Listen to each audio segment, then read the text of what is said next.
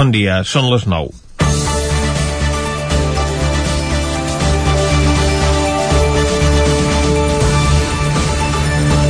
El projecte dels Jocs Olímpics d'hivern Barcelona-Pirineus pel 2030 torna a estar en l'agenda política després de la presa de possessió del nou govern de la Generalitat. La bona sintonia entre Pedro Sánchez i Pere Aragonès abona la tesi que aquesta serà una qüestió que abordaran en les converses que han de mantenir. El suport del govern estatal davant dels organismes internacionals suposaria una bona empenta en la iniciativa en què ja hi portava uns anys treballant el secretari general de l'Esport, Gerard Figueres, aprofitant un canvi de criteri del Comitè Olímpic Internacional que permetia presentar candidatures als governs i no només als ajuntaments com fins ara. Precisament, Barcelona era la pedra de la sabata del projecte perquè amb l'entrada d'Ada Colau a l'alcaldia, diguem que hi va mostrar el mateix interès que amb el Museu de l'Ermitage o fins i tot menys. La renúncia a la candidatura li va valdre crítiques de tots els grups polítics perquè la proposta, que va partir del govern socialista de Jordi Hereu, va rebre el suport unànim de tot el consistori i quan el convergent Xavier Trias va agafar el relleu també se la va fer seva. Ara la secretària general de l'Esport i de l'Activitat Física torna a estar en mans d'Esquerra i la nova titular, Anna Caula, també ha donat el seu vistiplau a presentar una candidatura que s'hauria de fer efectiva en els propers mesos. En diferents estaments del país hi ha consens a l'hora de considerar-ho de considerar una bona oportunitat. La proposta, dissenyada per Figueres, es basava en la seva sostenibilitat, aprofitant al màxim les infraestructures actuals i evitant grans inversions que no tenen utilitat un cop disputats els Jocs. El Ripollès hi té una gran esperança en aquests Jocs Olímpics per revitalitzar el sector turístic, aprofitant que l'estació de la Molina està destinada a ser el principal centre neuràlgic de les competicions esquí. I el municipi ripollès que més hi tindria a guanyar en quant a repercussió és Toses, perquè en la part del seu terme que pertany al domini esquiable de la Molina s'hi disputarien les competicions de neu. Les instal·lacions que s'hi van construir fa una dotzena d'anys van permetre acollir-hi amb èxit el Campionat del Món de 2011. Com que la prioritat és fer d'aquests jocs el més sostenibles possibles, sembla que la Generalitat també voldria fomentar els desplaçaments en tren de Barcelona a la Cerdanya, mentre que les millores en infraestructures per carretera es farien pel cantó de l'eix del Llobregat. Ara bé, la seva voluntat inicial de dur a terme el desoblament integral fins a Vic o a Torelló, a més de fer reformes a la resta de la línia que tenien projectades, encara que el govern espanyol hi posés tots els recursos necessaris, si aquests jocs arriben al 2030, al ritme que va la burocràcia espanyola, ja no s'hi és a temps.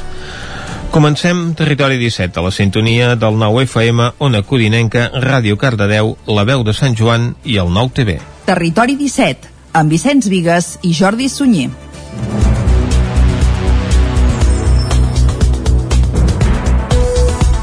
Són les 9 i 3 minuts i mig del divendres, dia 11 de juny de 2021. Comença ara mateix un nou Territori 17 que avui, com sempre, durant la primera hora us acostarà tota l'actualitat de les nostres comarques. Després, a partir de les 10, més informació, entrevistes, avui secció de clàssics musicals que han fet història, això vol dir que ens visitarà el Jaume Espuny amb algun disc d'aquells per emmarcar.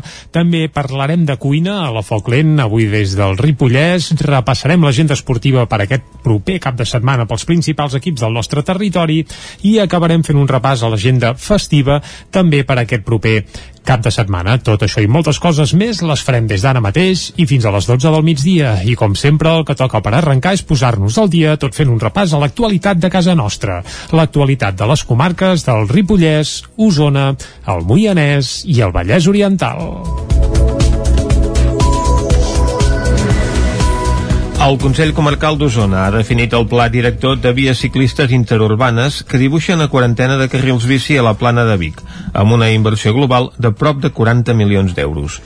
El document es va presentar ahir al Consell d'Alcaldes i Alcaldesses d'Osona, on també es van exposar les recomanacions per evitar que es creïn macroparcs solars a la comarca. 41 carrils bici, amb un total de 152 quilòmetres de traçat que enllaçarien diferents poblacions de la plana de Vic amb una inversió global orientativa de prop de 40 milions d'euros.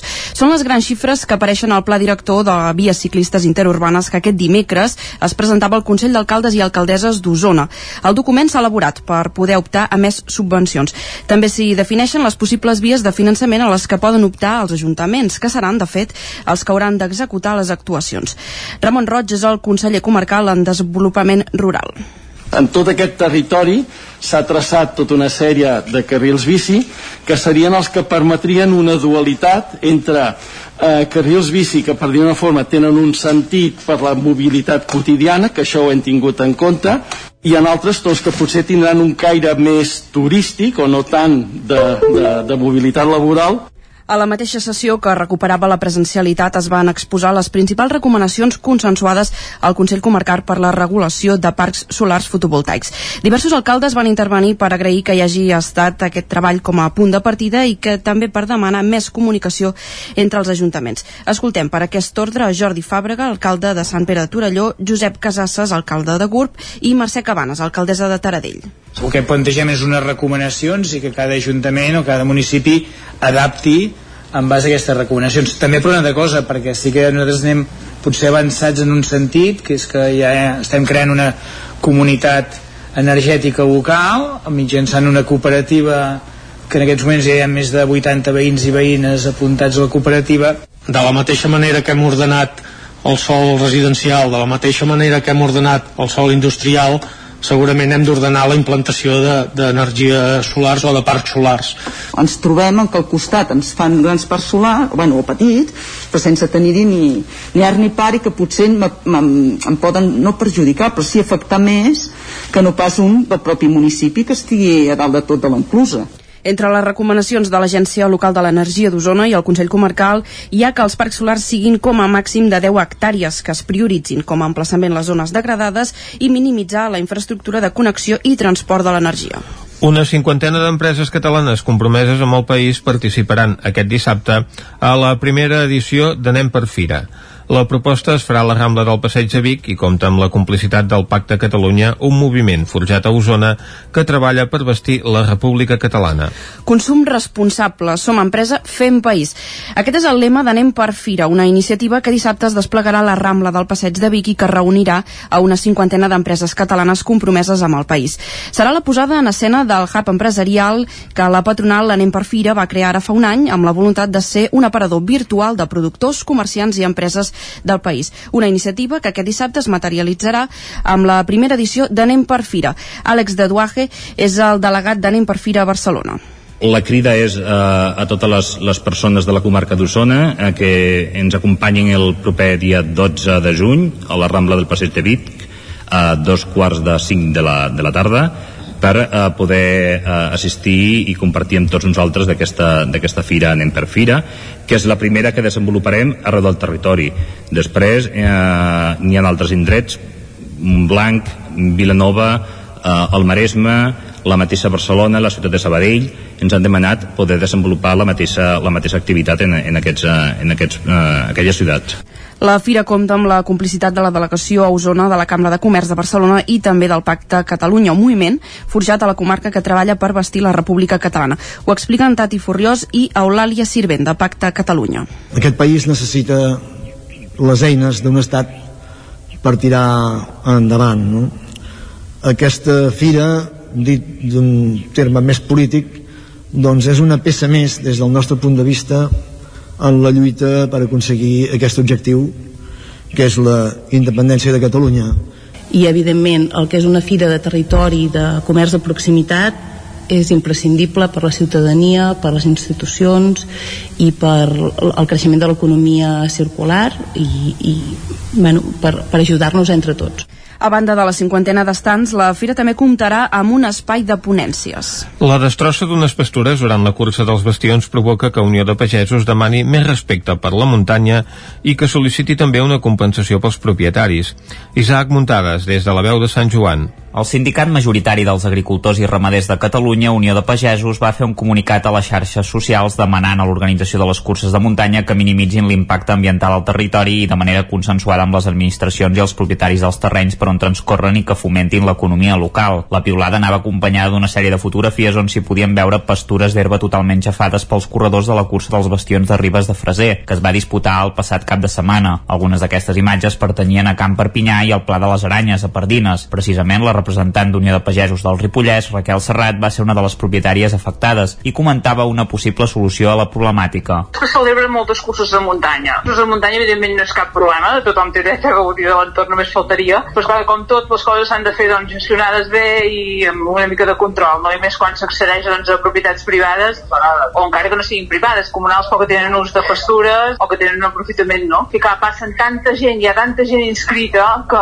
acaben, doncs, això, malmetent el terreny, que no és molt, no, és veritat, però esclar, bueno, doncs el que reclamem és això, no? que hi hagi una mica de control, o si no, doncs que hi hagi un retorn de cara al territori quan es malmet això, no? el, el que és les pastures o el que sigui. Serrat donava la idea que una part de la inscripció es destinés a pagar els danys que s'ocasionessin al terreny i ho rebessin els propietaris o els ajuntaments. La membre d'Unió de Pagesos també va dir que no es podia fer servir l'excusa de que quan les vaques passen per un camí també el xafen, ja que els pagesos paguen per fer un aprofitament del terreny, sigui llogat o perquè paguen un servei de comunals al consistori corresponent. Serrat va subratllar que els organitzadors d'aquest tipus de proves no solen demanar permís i dissenyen el traçat sense haver parlat abans amb els propietaris. Sobretot es queixava que deixen passos pel bestiar que han d'estar tancats, oberts, o que no es retiren la senyalització de seguida, sinó que a vegades s'hi queda durant un parell de setmanes. Serrat també va apuntar algunes contradiccions. Se'n fan moltes i també sorprèn que moltes activitats eh, dintre un parc natural estan restringides i en canvi aquestes coses no els demanen cap mena de regulació. Tant l'olla de Núria com aquesta dels bastions eh, entra dintre del parc natural de les Tafaderes del Ter Freser, per tant, bueno, són coses d'aquelles que dius potser s'haurien de gestionar d'una altra manera. Home,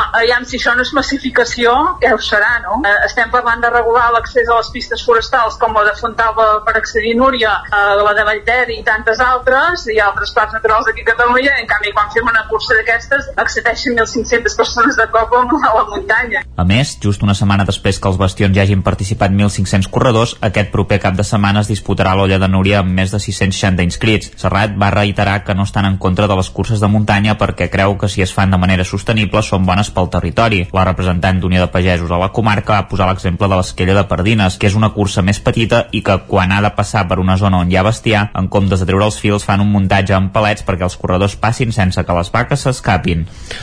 Albert Altés guanya el Premi d'Assaig Ricard Torrents Bertrana amb l'obra Va de virus. El guardó, que convoca la Universitat de Vic, Universitat Central de Catalunya, juntament amb un mo editorial, té l'objectiu de promoure el conreu i la difusió d'aquest gènere en llengua catalana i està dotat amb 5.000 euros. El veredicte es va fer públic ahir al Palau Robert de Barcelona en un acte presidit pel rector de la UBIC UCC, Josep Aladi Banyos, la directora d'Eumo Editorial, Montse Iats, i Ricard Torrents, que dona nom al premi al reconeixement al seu lideratge en la recuperació dels estudis superiors a la ciutat de Vic i en la Fundació Deumo Editorial. A l'acte també hi va intervenir la sociòloga Marina Subirats, portaveu del jurat, que va destacar que en aquesta primera convocatòria del Premi s'hi van presentar 36 treballs, dels quals 7 eren de dones i 29 d'homes. Les temàtiques dels assajos presentats anaven sobretot de literatura i filosofia, però també sobre ètica, feminisme, pensament polític, ecologia i ciència. Pel que fa a l'obra premiada Va de virus d'Albert Altés, hi explica d'una manera entenedora i planera la funció del virus des de l'origen de la vida fins als nostres dies. Altés és doctor en Medicina per la Universitat Autònoma de Barcelona, hematòleg i cap de servei d'hematologia i hemoteràpia de la Fundació Altaia. Aquest és el seu primer assaig divulgatiu i el va escriure durant els mesos àlgids de la pandèmia, motivat per comprendre què aportaven de bo els virus davant la desgràcia que es tenia la Covid-19. El Festival Exabrupto, que se celebrarà a Mollà el pròxim 10 de juliol, comptarà amb Albert Pla, entre d'altres artistes destacats. Caral Campàs, des d'Ona Codinenca. Un dels artistes destacats del Festival Exabrupto 2021 que es celebrarà a Mollà el pròxim 10 de juliol és Albert Pla. El concert és l'única activitat de la programació que no és gratuïta. Per 10 euros el dissabte a les 11 de la nit al Parc Municipal Francesc Vinyes, Albert Pla oferirà un espectacle que transita entre la música i el teatre. A l'espectacle anomenat Os Acordais, l'artista més polifacètic, transgressor i sorprenent, ofereix un show on barreja tant cançons noves com emblemàtiques de la seva carrera amb algun monòleg. Os acordáis és el títol d'una de les últimes cançons que va compondre durant la pandèmia, on Pla reflexiona amb ironia sobre l'impacte que ha tingut la crisi del coronavirus a nivell mundial. A banda del concert, en el marc del festival Ex Abrupto hi haurà més oferta artística. Per exemple, l'escultor Ney Albertí, el fotògraf Àlex Domènech, l'artista plàstica i performadora Anna Dot o l'artista gràfica Kerra Turre de Mollà. Ex Abrupto és un festival de creacions contemporànies multidisciplinars. Per això la major part de la mostra s'organitza en un espai no formal amb l'objectiu de fusionar les obres d'art amb la materialitat de l'entorn. Aquest espai estarà situat al carrer Sant Sebastià, on els veïns han cedit les seves cases a artistes i públic. D'altra banda, el segon espai principal estarà situat al Parc Municipal Francesc Vinyes, on hi haurà parades, bar, un espai de tatuatges i punxadiscs durant tot el dia i nit. Els propers dies 3 i 4 de juliol, a banda del concert d'Operació Paqui, també es podrà gaudir de l'exposició Operació Paqui a través de la lent, un recull de fotografies fetes per Marta Illa, que s'exposaran al hall del Teatre Auditori de Cardedeu fins al 5 de juliol. David Oladell, de Ràdio Televisió Cardedeu. Coincidint amb el concert d'Operació Paqui al hall del Teatre Auditori de Cardedeu, trobareu una exposició de 40 fotografies de la Marta Illa, la fotògrafa de la primera edició d'Operació Paqui. 40 moments dels 10 concursants del programa, que ara podeu veure en format fotografia al Teatre Auditori. Marta Illa, fotògrafa de l'exposició Operació Paqui a través de la lent. A cada gala tinc per almenys 1.000 fotos mínim de cada gala. L'única, la gala final em vaig tornar boja i vaig fer com 2.000, 3.000 fotos només de la gala final. Després, clar, i també s'ha de mirar que volia que, clar, no tots els concursants tenen la mateixa quantitat de fotos. Després volia que sortís una mica equitatiu de que més o menys tots tinguin un parell de fotos exposades seves. Escollir-ne 40 no ha estat tasca fàcil per la Marta i molt menys poder escollir-ne la seva preferida, Marta Illa. Ha alguns moments de que sí, de que directament ja al plató, quan feia la foto ja deia, vale, sí, ara he pillat el moment. Com per exemple, quan el Debés del Joan, quan es tira al terra, quan diuen que la Uxu ha guanyat, que també amb, amb la Clara, que a més està, va, directament va saltar sobre d'ella, hi ha moltíssimes, però sobretot em quedo amb 10 fotos que són les que estan exposades més grans al fons del, del vestíbul, que són com 10 moments instantànies de, de cada un dels concursants. Podeu gaudir de l'exposició una hora abans de les obres de teatre al TAC i la inauguració es farà durant els dies del concert d'Operació Pagui el proper 3 i 4 de juliol.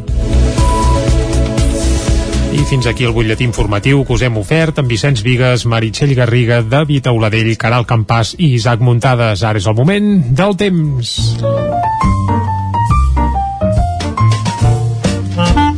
Casa Terradellos us ofereix el temps. I la informació meteorològica és especialment interessant a les portes d'un cap de setmana que en Pep Acosta ahir ens explicava que serà radiant i d'estiu, però ens ho confirmarà avui. Pep, bon dia. Hola. Bon dia, bon dia. Molt bon dia. Gràcies. Ja som divendres. Correcte. Comença el cap de setmana. Mm -hmm.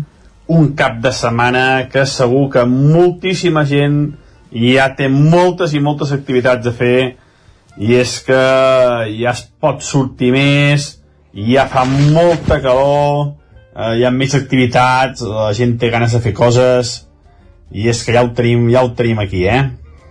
Anem a pams, anem a pams, anem a veure què farà aquest cap de setmana. Avui, avui pel que fa al temps, engeguem unes temperatures molt suaus, pocs núvols, però atenció, perquè serà un dia tempestuós serà un dia que hi haurà tempestes, el dia més inestable de la cap de setmana, i és que creixeran les tempestes ja a primera hora, a primera hora de la tarda, es començaran a desenvolupar els núvols i ja cauran les primeres tempestes. Hi ha anuncis d'avís meteorològic a totes les nostres comarques, en les nostres comarques en les que vivim, que es poden superar els 20 litres en mitja hora. Eh? Per tant, aquesta tarda tarda de tempestes, atenció, precaució, no seran molt, molt violentes, però sí que localment poden ser bastant fortes, eh? per tant aquesta tarda, precaució. Ahir van ser eh, molt menys extenses, ahir van caure però van ser molt menys extenses i també menys intenses, eh? pocs litres van caure a les nostres comarques. Però avui no, eh? avui serà el dia més inestable, atenció a les tempestes aquesta tarda. Les temperatures eh, poder una mica més baixes que les d'ahir, un o dos graus més baixes, la majoria de valors entre els 25 i els 30 graus, molt molt suaus, eh, temperatura d'estiu, dia d'estiu, tot i aquestes tempestes a la tarda. Atenció, al cap de setmana, dissabte, eh, molt de sol, eh, les nuades a la tarda i les tempestes quedaran restringides a la zona del Pirineu, per tant, eh, res a veure amb avui, que seran molt més extenses i intenses. Demà no, només restringida al Pirineu, i atenció, perquè tenim una bombolla d'aire càlid africana que es va instal·lant a sobre i que demà farà pujar molt la temperatura. A partir de demà hi ha valors de més de 30 graus a les nostres comarques, a les poblacions de les comarques, les mínimes entre els 15 i els 20. I diumenge serà el dia més assolellat, més calorós i més d'estiu del que portem de setmana i jo diria que el portem d'any gairebé. Carai. Les temperatures superaran els 30 graus inclús a les ciutats del Pirineu i els pobles del Pirineu cap al prelitoral, a l'interior del Moianès, d'Osona, es poden superar els 32-33 graus. No serà una onada fred de categoria... Perdó, una de calor, perdó, perdó. No serà una de calor de categoria ni de primera categoria, però serà una onada de calor de tercera, segona categoria, eh? Temperatures ben ben altes diumenge, superem els 30 graus a moltes poblacions, les mínimes entre els 15 i els 20 comença a fer ja aquesta calor, aquesta xafogó de nit, que mica en mica s'ha incrementant, eh? Atenció, atenció ja amb la calor que farà aquests dies. I això és tot, a disfrutar el cap de setmana, uh -huh. avui tempestes de tarda, demà moltes menys tempestes, i dissabte i diumenge un dia plenament d'estiu on les temperatures superaran els 30 graus a moltes i moltes poblacions. Aprofiteu per anar a la platja, per anar a piscines, Uh, jo, jo hi aniré, jo hi aniré, ho aprofitaré oh, perquè ja et dic, serà un cap de setmana extraordinari, plenament 100% d'estiu. Moltes gràcies i molt bon cap de setmana. Adeu doncs vinga, ja ho sabem, si volem trobar en Pep Acosta aquest cap de setmana, cap a la platja. Nosaltres ara de moment però no anirem a la platja sinó que anirem al quiosc. Casa Tarradellas us ha ofert aquest espai. Territori 17 Arriba l'hora, com us dèiem, de fer un repàs al que treuen en portada els diaris d'avui i com que és divendres comencem el recorregut Meritxell repassant les portades del 9-9. Som-hi, doncs. El 9-9 d'Osona i Ripollès titula avui Elevated MTV preveu atraure 62.000 visitants al Ripollès en el primer any del Bike Park. El projecte d'un gran parc de descens de bicicletes al Puig de la Devesa vol obrir a finals de 2022. La fotografia que veiem avui en portada, però, és de Vic i titula Vic compra el castell d'Amplanes. Amagat entre la vegetació que hi ha al plantar de Pallaire Jaume Genís, a dalt del turó del castell d'Amplanes de Vic hi ha un castell que hi va fer construir el mateix empresari dels anys 60. L'edificació està mal estat però l'Ajuntament l'ha adquirit. També veiem avui en portada que el risc de rebrot de la Covid-19 baixa a nivells de juliol de l'any passat i d'altra banda que la Diputació s'obre a estudiar un enllaç de Santa Eulàlia a l'Eix per evitar passar per Sant Fores. Pel que fa al 9-9 del Vallès Oriental, titula avui les entitats que vetllen pel els discapacitats intel·lectuals voregen el col·lapse. La situació és crítica, moltes famílies i molts nois estan esperant, insisteixen des del sector. La fotografia que veiem avui, però, és d'un drac gravat en camps. Diu, un drac de 125 metres. El drac de la Serreta, Cardedeu, reapareix en una intervenció de l'Ant Art. També titula avui el Consorci del Besòs de Tordera xifra en 7 milions la inversió per culminar la xarxa de camins fluvials i que, per exemple, eh, Assaja reclama més batudes contra els senglars per les destrosses que provoquen els camps de cereals. Anem a repassar les portades a la premsa catalana. Avui veurem molta política, eh? A les portades, el punt avui, per exemple, titula Divisió al govern de Sánchez pel retorn dels exiliats, un tema que veurem recorrent no només a Catalunya, sinó també a Espanya. La fotografia, eh, Turull també porta l'1 d'octubre a, Estar a Estrasburg. Els advocats presenten la demanda acompanyats de Carles Puigdemont. En el titular també veiem la ministra Belarra i Montero escenifiquen la fractura entre socis. Podem advoca pel retorn i el PSOE per la detenció i el judici. Caçadors i Arrimades seran la a la manifestació de Colón contra aquests índols. Pel que fa al diari Ara, titula Cuixart obre el camí a Estrasburg. El president d'Òmnium presenta un primer recurs a Europa contra la sentència del Suprem i Sánchez demana magnimitat als espanyols i Iceta creu que el Suprem no revocarà els índolls. La fotografia, però, és de Biden i és que eh, Biden diu busca la complicitat europea després de que s'hagi de produir aquesta reunió telefònica amb el president del govern espanyol. Eh, el periòdico titula avui l'FP sobre la formació contínua de treballadors. Uh, la nova llei introdueix els micromòduls de 50 hores per adults acumulables i que donaran una titulació oficial. A l'avantguàrdia veiem avui també fotografia de Biden que canta les veritats, diu uh, el primer ministre anglès, Johnson. Uh, diu els Estats Units refreden el suport al Marroc en vigílies de la trobada Biden-Sánchez, aquesta trobada que els comentàvem. Anem a les portades de la premsa de Madrid.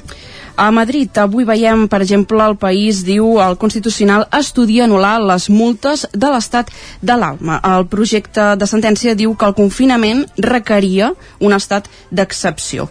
També veiem que parlen del coronavirus, diu una Eurocopa eh, entre ensurts pel virus. El torneig ha de començar avui i diu que França és la preferida a obtenir aquest títol, si més no de moment. Uh, pel que fa al diari El Mundo, títula avui el PP replica Andalusia la majoria de Madrid. Juanma Moreno pujaria 17 escons en aquesta comunitat autònoma després d'absorbir el vot de Ciutadans i tindria una majoria absoluta amb el suport de Vox. També parla de la política catalana. Esquerra admet en un pla ocult que la mesa de negociació és una farsa. El PSOE facilita el suport del Consell d'Europa als índols. Pel que fa a l'ABC, avui titula Esquerra i Bildu lliberen el PSOE de retre comptes de 37 fins a 37 vegades. Uh, gràcies al vot independentista, el govern no ha donat explicacions sobre el cas uh, del rescat plus ultra o la crisi de Ceuta. El govern considerarà els indults, diu, als golpistes per utilitat pública i pel que fa, per últim, perquè fa el diari La Razón, diu el pla ocult d'Esquerra, via unilateral, després de la mesa de negociació. La Guàrdia Civil intercepta el document en el telèfon de l'exconseller Vendrell. El full de ruta passava per desgastar el govern i sumar suport. Uh, també veiem una fotografia avui en diverses portades de les germanes desaparegudes de Tenerife. El pitjor final, diu, per les germanes Olivia i Anna, després que hagin trobat el cos de la germana gran de 6 anys morta. Doncs moltes gràcies Meritxell per aquest repàs al que treuen en portada els diaris d'avui. És hora de posar punt i final a aquest bloc informatiu. Doncs vinga, punt i final al bloc informatiu. Ara una pausa, tornem a dos quarts en punt amb més informació. Salut! El nou FM, la ràdio de casa, al 92.8. A Magatzem de Trossos trobaràs una gran varietat de teixits a metres, lunetes, robes de patchwork i tot el material per poder fer el que necessitis. A més, et confeccionem a mida el que et faci falta. Cortines enrotllables, fundes de coixins per interior i exterior, matalassos i coixins per a furgonetes i autocaravanes. Vine a veure'ns a Magatzem de Trossos, al carrer Manel Serra i Moret, número 14 de Vic.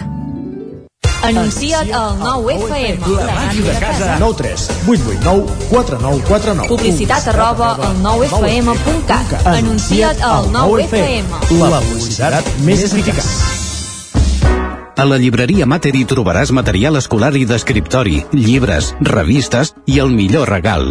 T'esperem amb una gran varietat de novel·les, llibres d'assaig, poesia, contes i moltes novetats editorials. I per anar ben equipat a l'escola tenim motxilles, estoig, carpetes, llibretes, bolígrafs i molt més. Recorda que amb la targeta client tens descomptes. Mater, llibreters amb vocació des de 1957. Llibreria Mater. Ens trobaràs al carrer Pla de Balanyà número 23 de Vic i a mater.cat. Cocodril Club. Si t'agrada la bona música dels anys 60, 70 i 80, escolta el 9 FM els matins de dissabtes i diumenges d'11 a 1. És el temps del Cocodril Club, tot un clàssic de la ràdio, amb les bases del pop-rock, les llegendes, les cançons que s'han convertit en autèntics himnes. Recorda, dissabtes i diumenges al matí, d'11 a 1, al 9 FM 92.8. Cocodril Club, el programa revival de l'Albert Malla. Ravella de Sant Joan, al restaurant Casa Vostra. Sopar, música en directe amb Joan Aromí, fi de festa amb coca, llangonissa i cava. Vine i disfruta de la Ravella de Sant Joan amb un bon sopar i la millor música. Restaurant Casa Vostra al carrer Pla de Balanyà, número 18 de Vic. Fes la teva reserva al 639 355 320. Baviera. La nostra proposta és senzilla, plena de sabors i valors. El nostre èxit és la senzillesa de la nostra carta amb productes frescos, de primera qualitat i de quilòmetre zero. Som especialistes en frankfurts, hamburgueses 100% de carn de vedella, entrepans i una de les millors patates braves de tot Vic. Amanides, plats combinats, tot al teu gust. Nou Baviera. Ho fem per tu, com si fos per nosaltres. Som al carrer Verdaguer número 36 de Vic. La ràdio de casa al 92.8. El 9 FM.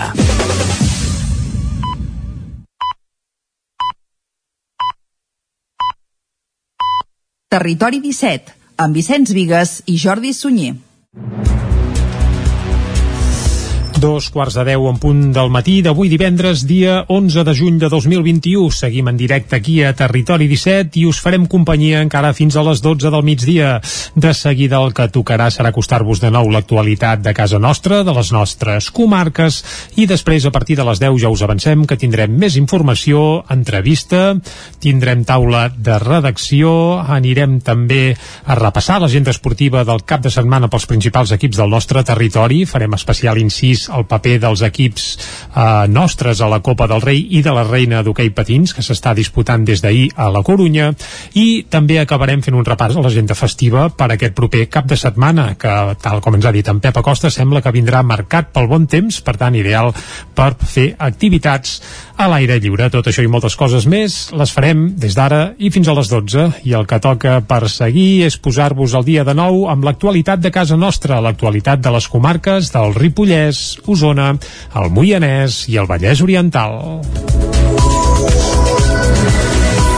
El Consell Comarcal d'Osona ha definit el pla director de vies ciclistes interurbanes que dibuixa una quarantena de carrils bici a la plana de Vic, amb una inversió global de prop de 40 milions d'euros. El document es va presentar ahir al Consell d'Alcaldes i Alcaldesses d'Osona, on també es van exposar les recomanacions per evitar que es creïn macroparcs solars a la comarca. 41 carrils bici, amb un total de 152 quilòmetres de traçat que enllaçarien diferents poblacions de la plana de Vic amb una inversió global orientativa de prop de 40 milions d'euros. Són les grans xifres que apareixen al pla director de vies ciclistes interurbanes que aquest dimecres es presentava al Consell d'Alcaldes i Alcaldesses d'Osona. El document s'ha elaborat per poder optar a més subvencions. També s'hi defineixen les possibles vies de finançament a les que poden optar els ajuntaments, que seran, de fet, els que hauran d'executar les actuacions. Ramon Roig és el conseller comarcal en desenvolupament rural. En tot aquest territori s'ha traçat tota una sèrie de carrils bici que serien els que permetrien una dualitat entre eh, carrils bici que per dir una forma tenen un sentit per la mobilitat quotidiana, que això ho hem tingut en compte, i en altres tots que potser tindran un caire més turístic o no tant de, de, de mobilitat laboral a la mateixa sessió que recuperava la presencialitat es van exposar les principals recomanacions consensuades al Consell Comarcal per la regulació de parcs solars fotovoltaics. Diversos alcaldes van intervenir per agrair que hi hagi estat aquest treball com a punt de partida i que també per demanar més comunicació entre els ajuntaments. Escoltem per aquest ordre Jordi Fàbrega, alcalde de Sant Pere de Torelló, Josep Casasses, alcalde de Gurb i Mercè Cabanes, alcaldessa de Taradell. El que plantegem és unes recomanacions i que cada ajuntament o cada municipi adapti en base a aquestes recomanacions. També per una altra cosa, perquè sí que nosaltres anem potser avançats en un sentit, que és que ja estem creant una comunitat energètica local, mitjançant una cooperativa que en aquests moments ja hi ha més de 80 veïns i veïnes apuntats a la cooperativa. De la mateixa manera que hem ordenat el sol residencial, de la mateixa manera que hem ordenat el sol industrial, segurament hem d'ordenar la implantació d'energia de, solars o de parcs solars. Ens trobem en que al costat ens fan grans parcs solars, bueno, o petits, però sense tenir-hi ni, ni art ni par i que potser em, em, em poden no perjudicar, però sí afectar més que no pas un del propi municipi que estigui a dalt de tot de l'enclusa. Entre les recomanacions de l'Agència Local de l'Energia d'Osona i el Consell Comarcal hi ha que els parcs solars siguin com a màxim de 10 hectàrees, que es prioritzin com a emplaçament les zones degradades i minimitzar la infraestructura de connexió i transport de l'energia. Una cinquantena d'empreses catalanes compromeses amb el país participaran aquest dissabte a la primera edició d'Anem per Fira. La proposta es farà a la Rambla del Passeig de Vic i compta amb la complicitat del Pacte Catalunya, un moviment forjat a Osona que treballa per vestir la República Catalana. Consum responsable, som empresa, fem país. Aquest és el lema d'Anem per Fira, una iniciativa que dissabte es desplegarà a la Rambla del Passeig de Vic i que reunirà a una cinquantena d'empreses catalanes compromeses amb el país. Serà la posada en escena del hub empresarial que la patronal l'Anem per Fira va crear ara fa un any amb la voluntat de ser un aparador virtual de productors, comerciants i empreses del país. Una iniciativa que aquest dissabte es materialitzarà amb la primera edició d'Anem per Fira. Àlex de Duaje és el delegat d'Anem per Fira a Barcelona. La crida és eh, a totes les, les persones de la comarca d'Osona eh, que ens acompanyin el proper dia 12 de juny a la Rambla del Passeig de Vic a dos quarts de cinc de la, de la tarda per eh, poder eh, assistir i compartir amb tots nosaltres d'aquesta fira Anem per Fira, que és la primera que desenvoluparem arreu del territori. Després eh, n'hi ha altres indrets, Blanc, Vilanova, eh, el Maresme, la mateixa Barcelona, la ciutat de Sabadell, ens han demanat poder desenvolupar la mateixa, la mateixa activitat en, en, aquests, eh, en aquests, uh, aquelles ciutats. La fira compta amb la complicitat de la delegació a Osona de la Cambra de Comerç de Barcelona i també del Pacte Catalunya, un moviment forjat a la comarca que treballa per vestir la República Catalana. Ho expliquen Tati Furriós i Eulàlia Sirvent, de Pacte Catalunya. Aquest país necessita les eines d'un estat per tirar endavant. No?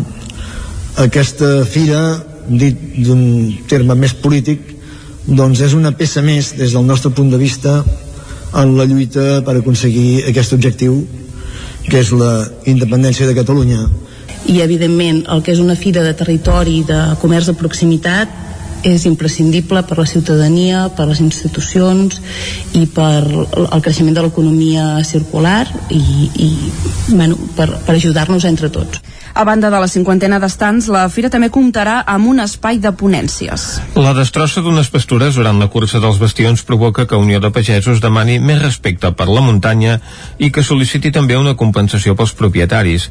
Isaac Muntades, des de la veu de Sant Joan. El sindicat majoritari dels agricultors i ramaders de Catalunya, Unió de Pagesos, va fer un comunicat a les xarxes socials demanant a l'organització de les curses de muntanya que minimitzin l'impacte ambiental al territori i de manera consensuada amb les administracions i els propietaris dels terrenys per on transcorren i que fomentin l'economia local. La piulada anava acompanyada d'una sèrie de fotografies on s'hi podien veure pastures d'herba totalment xafades pels corredors de la cursa dels bastions de Ribes de Freser, que es va disputar el passat cap de setmana. Algunes d'aquestes imatges pertanyien a Camp Perpinyà i al Pla de les Aranyes, a Pardines. Precisament la representant d'Unió de Pagesos del Ripollès, Raquel Serrat, va ser una de les propietàries afectades i comentava una possible solució a la problemàtica. Es celebren moltes curses de muntanya. Les de muntanya, evidentment, no és cap problema, tothom té dret a gaudir de l'entorn, només faltaria. Però, clar, com tot, les coses s'han de fer doncs, gestionades bé i amb una mica de control, no? I més quan s'accedeix doncs, a propietats privades, o encara que no siguin privades, comunals, però que tenen ús de pastures o que tenen un aprofitament, no? I clar, passen tanta gent, hi ha tanta gent inscrita que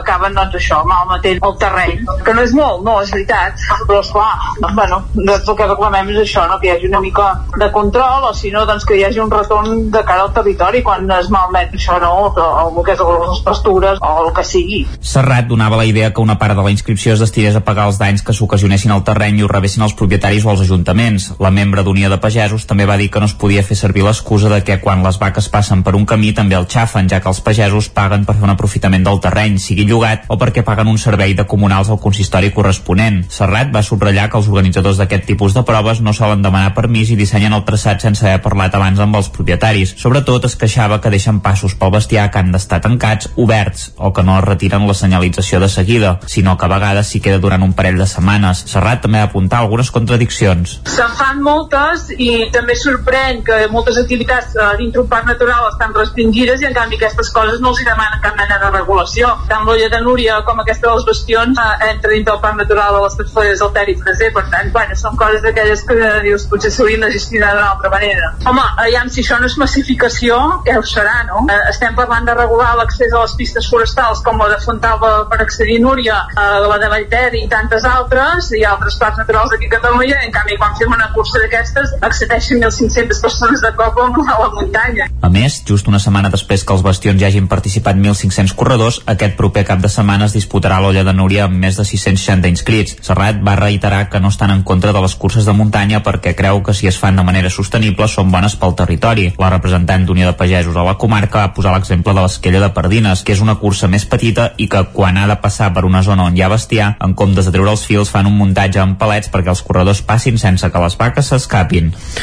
Albert Altés guanya el Premi d'Assaig Ricard Torrents Bertrana amb l'obra Va de virus. El guardó, que convoca la Universitat de Vic, Universitat Central de Catalunya, juntament amb un mo editorial, té l'objectiu de promoure el conreu i la difusió d'aquest gènere en llengua catalana i està dotat amb 5.000 euros. El veredicte es va fer públic ahir al Palau Robert de Barcelona en un acte presidit pel rector de la UBIC UCC, Josep Aladi Baños, la directora d'Euma Editorial, Montse Iats, i Ricard Torrents, que dona nom al premi el reconeixement al seu lideratge en la recuperació dels estudis superiors superiors a la ciutat de Vic i en la Fundació Deuma Editorial. A l'acte també hi va intervenir la sociòloga Marina Subirats, portaveu del jurat, que va destacar que en aquesta primera convocatòria del Premi s'hi van presentar 36 treballs, dels quals 7 eren de dones i 29 d'homes. Les temàtiques dels assajos presentats anaven sobretot de literatura i filosofia, però també sobre ètica, feminisme, pensament polític, ecologia i ciència. Pel que fa a l'obra premiada Va de virus d'Albert Altés, hi explica d'una manera entenedora i planera la funció del virus des de l'origen de la vida fins als nostres dies.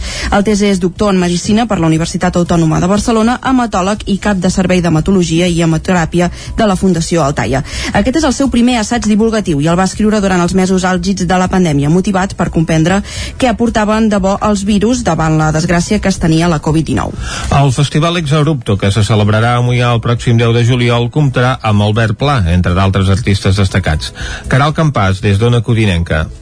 Un dels artistes destacats del Festival Exabrupto 2021 que es celebrarà a Mollà el pròxim 10 de juliol és Albert Pla. El concert és l'única activitat de la programació que no és gratuïta. Per 10 euros el dissabte a les 11 de la nit al Parc Municipal Francesc Vinyes, Albert Pla oferirà un espectacle que transita entre la música i el teatre. A l'espectacle anomenat Os Acordais, l'artista més polifacètic, transgressor i sorprenent ofereix un show on barreja tant cançons noves com emblemàtiques de la seva carrera amb algun monòleg. Os acordáis és el títol d'una de les últimes cançons que va compondre durant la pandèmia, on Pla reflexiona amb ironia sobre l'impacte que ha tingut la crisi del coronavirus a nivell mundial. A banda del concert, en el marc del festival Ex Abrupto hi haurà més oferta artística. Per exemple, l'escultor Ney Albertí, el fotògraf Àlex Domènech, l'artista plàstica i performadora Anna Dot o l'artista gràfica Kerra Turre de Mollà. Exabrupto és un festival de creacions contemporànies multidisciplinars. Per això la major part de la mostra s'organitza en un espai no formal amb l'objectiu de fusionar les obres d'art amb la materialitat de l'entorn. Aquest espai estarà situat al carrer Sant Sebastià, on els veïns han cedit les seves cases a artistes i públic. D'altra banda, el segon espai principal estarà situat al Parc Municipal Francesc Vinyes, on hi haurà parades, bar, un espai de tatuatges i punxadiscs durant tot el dia i nit. Els propers dies 3 i 4 de juliol, a banda del concert d'Operació Paqui, també es podrà gaudir de l'exposició Operació Paqui a través de la lent, un recull de fotografies fetes per Marta Illa, que s'exposaran al hall del Teatre Auditori de Cardedeu fins al 5 de juliol. David Oladell, de Ràdio Televisió Cardedeu. Coincidint amb el concert d'Operació Paqui al hall del Teatre Auditori de Cardedeu, trobareu una exposició de 40 fotografies de la Marta Illa, la fotògrafa de la primera edició d'Operació Paqui. 40 moments dels 10 concursants del programa que ara podeu veure en format fotografia al Teatre Auditori. Marta Illa, fotògrafa de l'exposició Operació Paqui a través de la lent. A cada gala tinc per almenys 1.000 fotos mínim de cada gala. L'única, la gala final em vaig tornar boja i vaig fer com 2.000, 3.000 fotos només de la gala final. Després, clar, i també s'ha de mirar que volia que, clar, no tots els concursants tenen la mateixa quantitat de fotos. Després volia que sortís una mica d'equitatiu de que més o menys tots tinguin un parell de fotos exposades seves.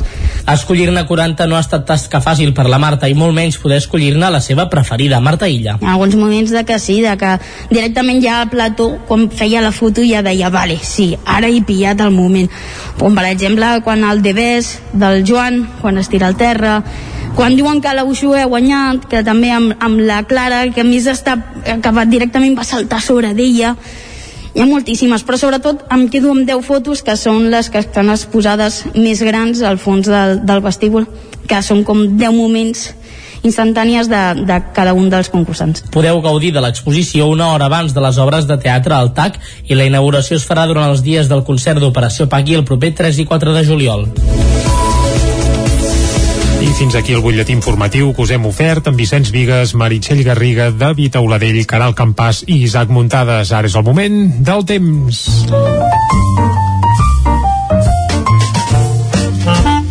Casa Terradellos us ofereix el temps. I la informació meteorològica és especialment interessant a les portes d'un cap de setmana que en Pep Acosta ahir ja ens explicava que serà radiant i d'estiu, però ens ho confirmarà avui. Pep, bon dia.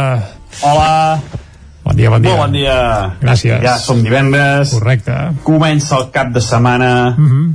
Un cap de setmana que segur que moltíssima gent ja té moltes i moltes activitats a fer i és que ja es pot sortir més, ja fa molta calor, eh, hi ha més activitats, la gent té ganes de fer coses, i és que ja ho tenim, ja ho tenim aquí, eh?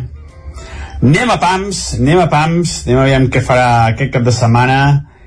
Avui, avui pel que fa al temps, engegem unes temperatures molt suaus, pocs núvols, però atenció, perquè serà un dia tempestuós serà un dia que hi haurà tempestes, el dia més inestable de la cap de setmana, i és que creixeran les tempestes ja a primera hora, a primera hora de la tarda, es començaran a desenvolupar els núvols i ja cauran les primeres tempestes.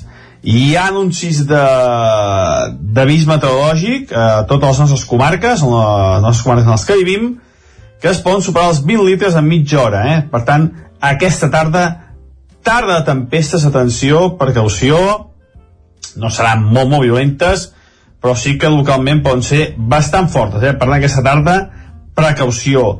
Ahir van ser eh, molt menys extenses, ahir van caure però van ser molt menys extenses i també menys intenses, eh? pocs litres van caure a les comarques. Però avui no, eh? avui serà el dia més inestable, atenció a les tempestes aquesta tarda les temperatures eh, poder una mica més baixes que les d'ahir, un o dos graus més baixes, la majoria de valors entre els 25 i els 30 graus, molt, molt suaus, eh, temperatura d'estiu, dia d'estiu, tot i aquestes tempestes a la tarda. Atenció, al cap de setmana, dissabte, eh, molt de sol, eh, les nuades a la tarda i les tempestes quedaran restringides a la zona del Pirineu, per tant, eh, res a veure amb avui, que seran molt més extenses i intenses. Demà no, només restringida al Pirineu, i atenció, perquè tenim una bombolla d'aire càlid africana que es va instal·lant a sobre i que demà farà pujar molt la temperatura. A partir de demà hi ha valors de més de 30 graus a les nostres comarques, a les poblacions de les comarques, les mínimes entre els 15 i els 20. I diumenge serà el dia més assolellat, més calorós i més d'estiu del que portem de setmana i jo diria que el portem d'any gairebé. Carai. Les temperatures superaran els 30 graus inclús a les ciutats del Pirineu i els pobles del Pirineu cap al prelitoral, a l'interior del Moianès, d'Osona, es poden superar els 32-33 graus. No serà una onada fred de categoria... Perdó, una de calor, perdó, perdó. No serà una de calor de categoria ni de primera categoria, però serà una onada de calor de tercera, segona categoria, eh? Temperatures ben ben altes diumenge, superem els 30 graus a moltes poblacions, les mínimes entre els 15 i els 20. Comença a fer ja aquesta calor, aquesta xafogó de nit, que mica en mica s'ha incrementant, eh? Atenció, atenció ja amb la calor que farà aquests dies. I això és tot, a disfrutar el cap de setmana, uh -huh. avui tempestes de tarda, demà moltes menys tempestes, i dissabte i diumenge un dia plenament d'estiu on les temperatures superaran els 30 graus a moltes i moltes poblacions. Aprofiteu per anar a la platja, per anar a piscines, uh, jo, jo hi aniré, jo hi aniré, ho aprofitaré, oh, perquè ja et dic, serà un cap de setmana extraordinari, plenament, 100% d'estiu. Moltes gràcies i molt bon cap de setmana.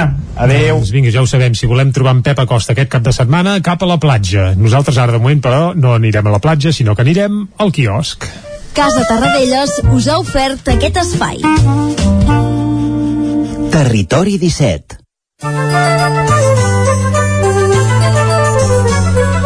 Arriba l'hora, com us dèiem, de fer un repàs al que treuen en portada els diaris d'avui i com que és divendres comencem el recorregut Meritxell repassant les portades del 9-9. Som-hi, doncs. El 9-9 d'Osona i Ripollès titula avui Elevated MTV preveu atraure 62.000 visitants al Ripollès en el primer any del Bike Park. El projecte d'un gran parc de descens de bicicletes al Puig de la Devesa vol obrir a finals de 2022.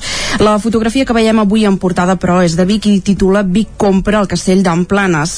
Amagat entre la vegetació que hi ha al plantar de Pallaire Jaume Genís, a dalt del turó del castell d'Emplanes de Vic hi ha un castell que hi va fer construir el mateix empresari dels anys 60. L'edificació està en mal estat però l'Ajuntament l'ha adquirit. També veiem avui en portada que el risc de rebrot de la Covid-19 baixa a nivells de juliol de l'any passat i d'altra banda que la Diputació s'obre a estudiar un enllaç de Santa Eulàlia a l'Eix per evitar passar per Sant Fores. Pel que fa al 9-9 del Vallès Oriental, titula avui les entitats que vetllen pels els discapacitats intel·lectuals voregen el col·lapse. La situació és crítica, moltes famílies i molts nois estan esperant, insisteixen des del sector. La fotografia que veiem avui, però, és d'un drac gravat en camps. Diu, un drac de 125 metres. El drac de la Serreta, Cardedeu, reapareix en una intervenció de Land Art. També titula avui el Consorci del Besòs de Tordera xifra en 7 milions la inversió per culminar la xarxa de camins fluvials i que, per exemple, eh, Assaja reclama més batudes contra els senglars per les destrosses que provoquen els camps de cereals. Anem a repassar les portades a la premsa catalana. Uh, avui veurem molta política eh, a les portades. El punt avui, per exemple, titula Divisió al govern de Sánchez pel retorn dels exiliats, un tema que veurem recorrent no només a Catalunya sinó també a Espanya. La fotografia, eh, Turull també porta l'1 d'octubre a, Estar a Estrasburg. Els advocats presenten la demanda acompanyats de Carles Puigdemont. En el titular també veiem la ministra Belarra i Montero escenifiquen la fractura entre socis. Podem advoca pel retorn i el PSOE per la detenció i el judici. Caçadors i Arrimades seran la a la manifestació de Colón contra aquests índols. Pel que fa al diari Ara, titula Cuixart obre el camí a Estrasburg. El president d'Òmnium presenta un primer recurs a Europa contra la sentència del Suprem i Sánchez demana magnimitat dels espanyols i Iceta creu que el Suprem no revocarà els índols. La fotografia, però, és de Biden i és que eh, Biden diu busca la complicitat europea després de que s'hagi de produir aquesta reunió telefònica amb el president del govern espanyol. Eh, el periòdico titula avui l'FP sobre la formació contínua de treballadors. Uh, la nova llei introdueix els micromòduls de 50 hores per adults acumulables i que donaran una titulació oficial. A l'avantguàrdia veiem avui també fotografia de Biden que canta les veritats, diu uh, el primer ministre anglès, Johnson. Uh, diu els Estats Units refreden el suport al Marroc en vigílies de la trobada Biden-Sánchez, d'aquesta trobada que els comentàvem. Anem a les portades de la premsa de Madrid. A Madrid avui veiem, per exemple, el país diu el Constitucional estudia anul·lar les multes de l'estat de l'Alma. El projecte de sentència diu que el confinament requeria un estat d'excepció. També veiem que parlen del coronavirus, diu una Eurocopa eh, entre ensurts pel virus. El torneig ha de començar avui i diu que França és la preferida a obtenir aquest títol, si més no de moment. Uh, pel que fa al diari El Mundo, títol avui el PP replica Andalusia la majoria de Madrid. Juanma Moreno pujaria 17 escons en aquesta comunitat autònoma després d'absorbir el vot de Ciutadans i tindria una majoria absoluta amb el suport de Vox. També parla de la política catalana. Esquerra admet en un pla ocult que la mesa de negociació és una farsa. El PSOE facilita el suport del Consell d'Europa als índols. Pel que fa a l'ABC, avui titula Esquerra i Bildu lliberen el PSOE de retre comptes de 37 fins a 37 vegades. Uh, gràcies al vot independentista, el govern no ha donat explicacions sobre el cas uh, del rescat plus ultra o la crisi de Ceuta. El govern considerarà els indults, diu, als golpistes per utilitat pública i pel que fa, per últim, perquè fa el diari La Razón, diu el pla ocult d'Esquerra, via unilateral després de la mesa de negociació. La Guàrdia Civil intercepta el document en el telèfon de l'exconseller Vendrell. El full de ruta passava per desgastar el govern i sumar suport. Uh, també veiem una fotografia avui en diverses portades de les germanes desaparegudes de Tenerife. El pitjor final, diu, per les germanes Olivia i Anna, després que hagin trobat el cos de la germana gran de 6 anys morta. Doncs moltes gràcies Meritxell per aquest repàs al que treuen en portada els diaris d'avui. És hora de posar punt i final a aquest bloc informatiu.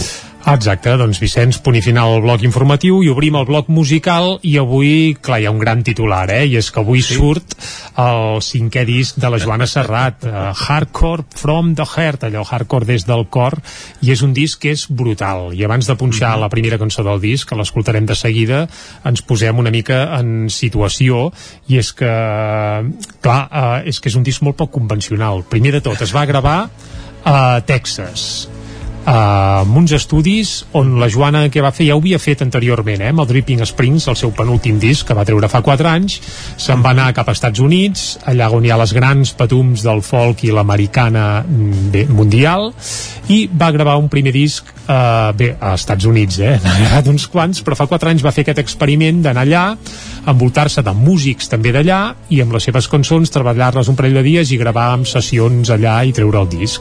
Mm. En aquest cas va repetir amb músics diferents, encapçalats pel Ted Young, que és una patum de la música així una mica d'arrel americana i folky, però aquest neofolk d'ara, eh, així molt atmosfèric i amb pinzellades de pop, doncs se'n va anar cap allà just abans que esclatés la pandèmia i van registrar les 10 peces que hi ha en aquest Hardcore from the Heart.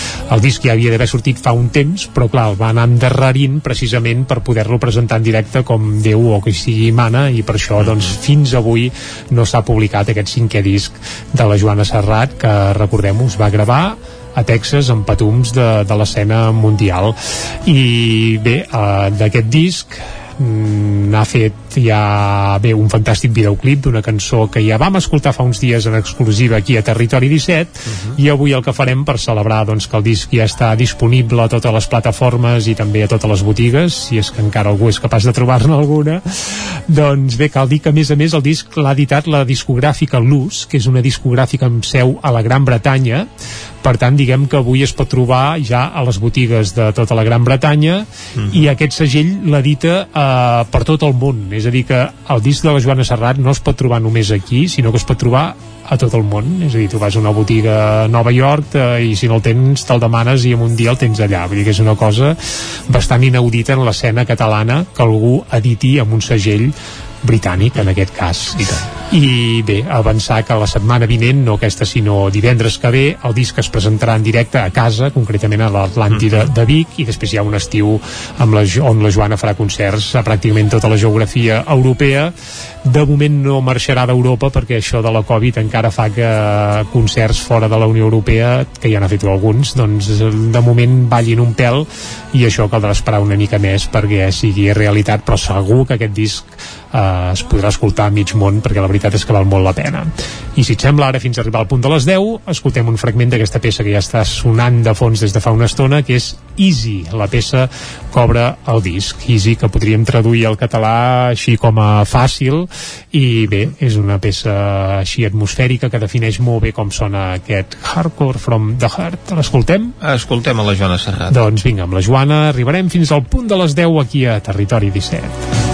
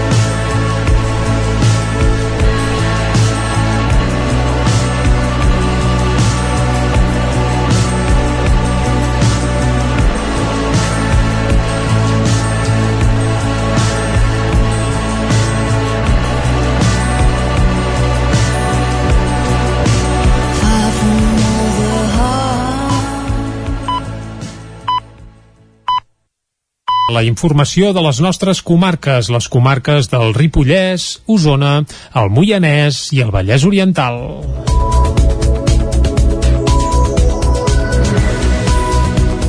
La tendència a la baixa dels ingressos per Covid-19 a Osona es manté una setmana més. Aquest dimecres hi havia internades 25 persones als hospitals de la comarca, dues menys que ara fa una setmana. Del total de malalts ingressats, 11 són a l'Hospital Universitari de Vic, 4 de les quals a la unitat de cures intensives i 10 a l'Hospital de la Santa Creu. Les 4 persones restants es troben ingressades a l'Hospital Sant Jaume de Manlleu. Pel que fa a les defuncions, en els últims 7 dies se n'ha registrat una de nova a la comarca atribuïda a la Covid-19. Segons dades del Departament de Salut, en l'última setmana a Osona s'han detectat 72 casos nous de coronavirus.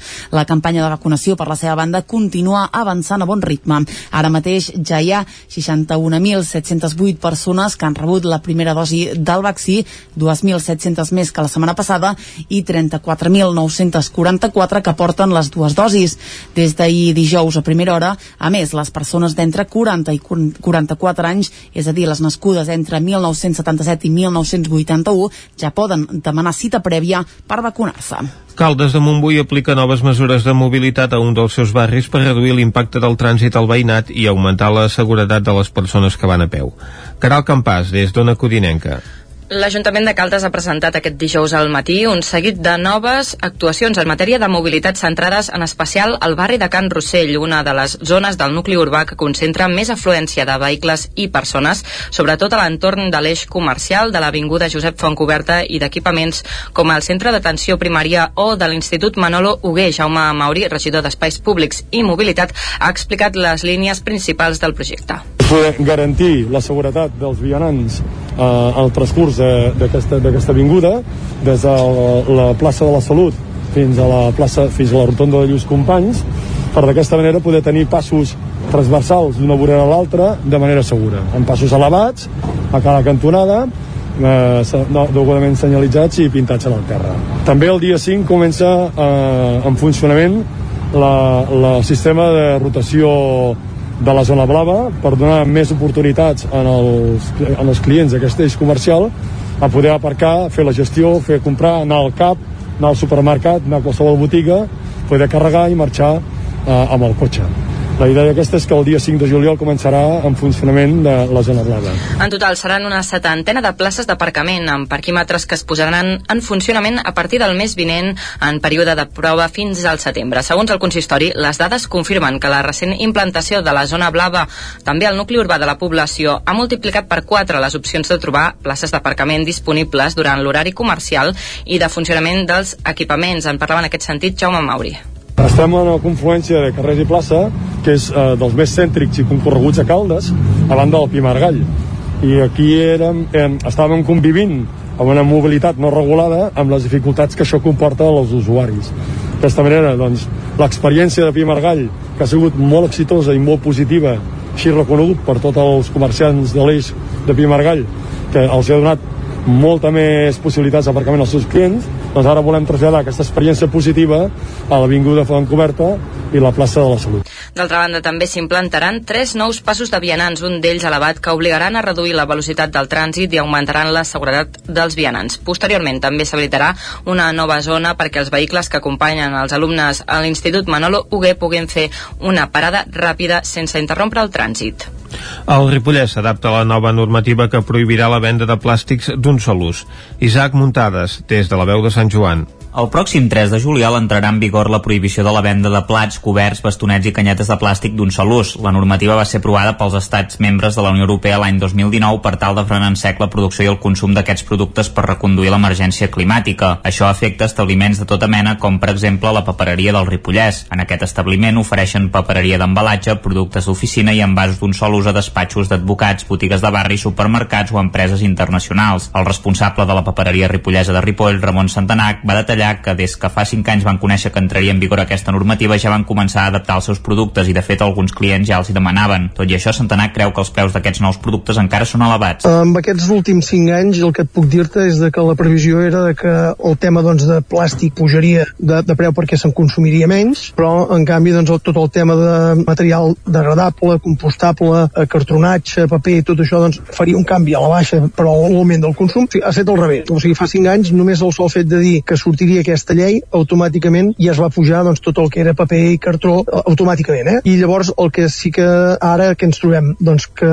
tot aquest producte compostable sobretot i tot el producte que està fet amb, amb fibres naturals, primerament perquè el procés és molt més costós que no pas amb el tema plàstic, doncs fa que tots aquests productes siguin més cars. Hi ha alguns que no tenen massa diferència amb els de plàstic, però n'hi ha d'altres que poden arribar inclús a duplicar el preu del, del plàstic. Santanac pensa que el problema resideix en el govern de l'estat espanyol, que no ha marcat les pautes i no ha vetllat pel tema de les matèries primeres, ja que el 80% d'aquests materials venen de l'Àsia o d'Amèrica del Sud i són més cars. En canvi, pel que fa al plàstic, el 40% és producte nacional per la implantació de la indústria petroquímica al país i permetia regular millor els preus. Santanac també va dir que s'estaven recuperant els productes que ja es feien servir fa 30 i 40 anys sobretot el paper i el cartró, i les coles naturals, que tot això, jo recordo quan jo tenia 7-8 anys que els meus pares doncs, ja tenien l'empresa, era el que en aquells moments es, eh, es consumia, les, les típiques paperines, tota la vida, no? Doncs ara han adaptat eh, pràcticament tots els fabricants paper i cartró amb aquests tipus de, de coles naturals, bàsicament totes són, són vegetals, i redescobrint nous productes, com per exemple doncs, el que són les, les fibres del blat de moro, les fibres de la canya de sucre. La propietària de la botiga de menjar preparat Bon Profit de Sant Joan de les Abadeses, Raquel Terrer comentava que la gent que s'ha adaptat millor a aquests canvis és la gent gran, que com deia Centenar, que estava més acostumada a veure com el drapaire canviava les ampolles de vidre o s'enduia el cartó. Terrer va detallar que ells generen molts envasos de plàstic, però que aquests es poden posar al rentaplats i tornar-se a la botiga, però hi ha molt poca gent que ho faci perquè encara no està conscienciada. Sí que han mirat de fer alguna promoció per abaratir el cost, però encara costa molt. A Terrer li sembla bé la mesura, però que costarà que la gent s'hi acostumi. Sí, a mi em sembla bé, el que passa que, esclar, també s'han d'ajustar amb els preus, eh? Perquè, esclar, tema de bambú i tot això és car, eh, també això, que així no es fa tant, no genera tant plàstic. Passa que sí que hi ha moltes botigues i tot que també ja es dona la bossa de paper. Passa que, clar, una bossa de paper també cost, el cost és de 20-25 cèntims, però bueno, la gent és igual, també la vol. Que no es tracta d'economia, es tracta, suposo, de comoditat. No porten el cabàs o així i, clar, volen la bossa. Per Santanac, la mesura també és encertada perquè és una manera de tornar als orígens i de reciclar i ser lleials amb la natura. Vic serà una de les ciutats catalanes que acolliran la 49a edició de les Jornades Internacionals Folclòriques que organitza Adifolk. El dia 6 de setembre, a la capital usonenca hi actuarà un dels quatre grups vinguts d'Europa i d'Amèrica del Sud que participaran a les jornades. Així es va explicar aquest dimecres a la central de Vic, la seu dels Serals d'Osona, que col·laboren amb Adifolk i l'Ajuntament de Vic en les jornades. Sentim per aquest ordre a Oriol Ramírez, director director de les Jornades Internacionals Folclòriques, i a Susana Roura, regidora de Cultura de l'Ajuntament de Vic. No som programadors, és a dir, el que a nosaltres ens agrada és portar les cultures d'arreu del món i que no vinguin, actuïn i marxin, sinó que s'emportin un record, en aquest cas de Vic, que puguin col·laborar amb entitats de, locals, amb, entica, amb entitats d'aquí de, de Vic, perquè bueno, quan se'n vagin als seus països doncs s'emportin un record i una experiència de la cultura catalana real. Estem contents, després de 9 anys, doncs, de tornar a acollir un acte com aquest d'Adi Folk. Vic, al capdavall, en, a través d'aquest acte, fusiona música, que Vic ja és coneguda per la música, i fusiona la cultura popular, i en aquest sentit agrair l'empenta que des dels Segals i des de l'Associació del Molassa s'ha donat en, en aquest acte perquè pugui ser aquí i es pugui acollir els Segals també participaran amb la Molassa a la plec internacional que hi ha previst pel setembre a Sardenya amb representants de 40 grups d'arreu de Catalunya, entre els quals també hi figuren els Diables d'Olost i els Bastoners de Prats de Lluçanès. A Vic l'espectacle marcat en les jornades internacionals folclòriques servirà també de cluenda del Bada Pessics, la programació que s'està preparant pels mesos d'estiu. L'any passat, el 2020, en va fer 30 de la publicació del disc més emblemàtic de Sau, Quina nit, que va marcar un abans i un després en l'èxit d'un un àlbum de l'anomenat rock català. I Pep Sala i Joan Capdevila rememoren la gestació d'aquell treball al llibre Quina nit, el disc que va canviar les nostres vides, publicat per Rosa dels Vents, un relat farcit d'anècdotes i amb les seves vivències dalt de l'escenari que no sempre coincideixen amb les que es pot recordar al públic. Pep Sala ho explicava dimarts al programa Quatre Paraules del Nou TV. el Quina nit ens segueix donant sorpresa perquè vam fer aquest llibre una mica per... va ser, ens ho van proposar, no ho havíem decidit mai amb en Joan i en cap de cinc dies es havia sigut a la primera edició mm -hmm. i vull dir que ha sigut, ens va, va donar sorpreses aquest disc i el que hem volgut és una mica tornar i fer també sortir molta gent, els músics de Sau i molta gent que, que va ser molt important per nosaltres en aquella època del famós concert del Palau Sant Jordi clar, la, gent- la gent, el concert, tothom el coneix, aquell concert, molta gent hi va ser-hi, eh, però, clar, nosaltres el que expliquem és la sensació que vam tenir nosaltres, el mal de caps que vam tenir, el, el pànic, sensació pànic que vam tenir quan vam pujar a l'escenari, vam veure que els monitors del Carles no funcionaven, el Joan que estava a, a, a la taula de monitors flipant com podíem mantenir la serenor amb tots els problemes que hi havia i malament que se sentia A banda de la publicació del llibre Els 30 anys del Quina nit també es commemoren amb una gira de Sau 30 que porta per títol Quina nit, quina lluna i que va començar el passat 9 de maig amb un concert al Teatre de la Passió d'Esparreguera. Esports. El mes de juliol es disputarà la vuitena edició del torneig de futbol 7 al camp municipal de Cardedeu. Amb el canvi de coordinació que ha patit el club, el torneig presenta diverses novetats. David Oladell, de Ràdio Televisió Cardedeu. La Grossa és el nom amb el qual el Futbol Club Cardedeu ha batejat la vuitena edició del torneig d'estiu Futbol 7.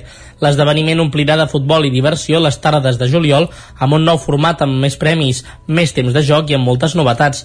El torneig comptarà amb àrbitres federats i els participants podran disputar un mínim de 4 partits. Edu Cosme, coordinador del Futbol Club Cardedeu. Doncs bueno, l'estructura que nosaltres volem fer eh, aquest any, que és una mica diferent segurament a la de l'any passat, és intentar que tots els equips juguin més partits, més minuts, que ampliem una miqueta el, el que és la longitud dels partits.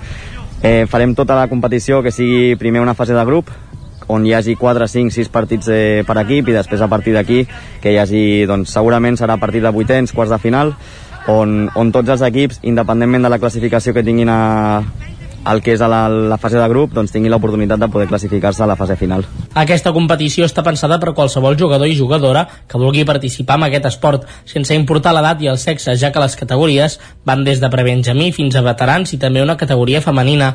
En categoria amateur hi ha un format més competitiu i un altre de caire més social. Un dels aspectes que més ha cuidat el club en aquesta nova edició són les mesures per prevenir els contagis per Covid-19. Edu L'any passat, doncs bueno, va ser el, el moment segur més crític de, del, de la situació Covid i potser no hi, ha, no hi va haver-hi les, les restriccions que hi havia eh, o que hi hauria d'haver hagut en aquell moment, però en aquest cas sí que hi haurà restriccions, hi haurà un control d'accés a l'entrada, hi haurà aforament eh, limitat, hi haurà diferents zones que limitarem a la graderia perquè hi hagi espais entre, entre participants, eh, aficionats, etc. El torneig començarà el 5 de juliol i des de les 6 de la tarda fins les 11 del vespre es podran veure partits. A l'última setmana de juliol es disputaran les fases finals d'un torneig que ja és referència en el Vallès Oriental.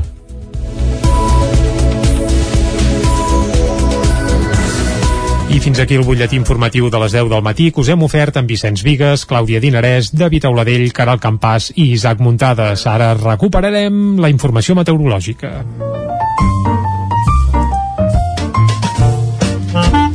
Casa Terradellos us ofereix el temps.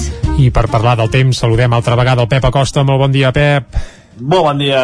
Bon dia, ja bon dia. som divendres, comença el cap de setmana. Avui, avui pel que fa al temps, engeguem unes temperatures molt suaus, pocs núvols, però atenció, perquè serà un dia tempestuós. Serà un dia que hi haurà tempestes, el dia més inestable de la cap de setmana, i és que creixeran les tempestes ja a primera hora, a primera hora de la tarda, es començaran a desenvolupar els núvols i ja cauran les primeres tempestes. Les temperatures eh, poder una mica més baixes que les d'ahir, un o dos graus més baixes, la majoria de valors entre els 25 i els 30 graus, molt, molt suaus, eh, temperatura d'estiu, dia d'estiu, tot i aquestes tempestes a la tarda. Atenció, al cap de setmana. Dissabte, eh, molt de sol, eh, les nuades a la tarda i les tempestes quedaran restringides a la zona del Pirineu, per tant, eh, res a veure amb avui, que seran molt més extenses i intenses.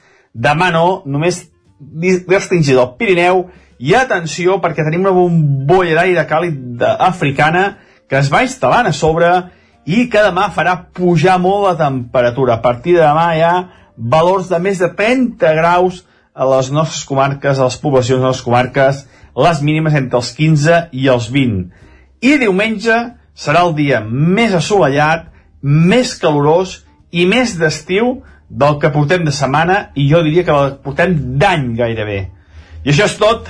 Moltes gràcies i molt bon cap de setmana. Doncs Adéu. moltes gràcies, moltes gràcies a tu, Pep i Vicenç, cap de setmana que, vaja, ens auguren que serà d'estiu, per tant, ideal per anar bé, amb les precaucions i les mesures que faci falta, evidentment, però si cal per anar a la platja, a la piscina, o a la Riera Major, o a les gorgues del Gès, on faci falta. No? Sí, senyor, allà on convingui, perquè ja portem uns dies amb temperatures força elevades. Ahir mateix es va arribar un rècord de 32 graus a Caldes de Montbui. Uh -huh, fa una hora el seu nom, per tant, feia Exacte, calda a feia calda, ahir, eh? sí senyor. Dolent, però també en feia Roda de Ter o Parets del Vallès amb 31 graus a Gurb, a Malla o a Granollers es va arribar als 30 dues dècimes menys a punts com Aigua Freda o Sant Fores 29 graus i mitja màxima a Call d'Atenes, a la Gleva a Centelles, a Sant Martí Sescorre a Sant Pere de Torelló o al pantà de Sau i avui el dia doncs, s'ha llevat també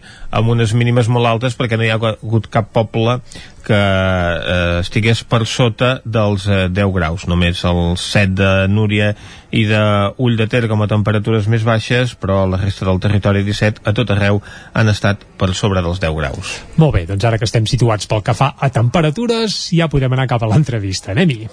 Casa Tarradellas us ha ofert aquest espai. Territori 17. Envia'ns les teves notes de veu per WhatsApp al 646 079 023. 646 079 023. WhatsApp Territori 17.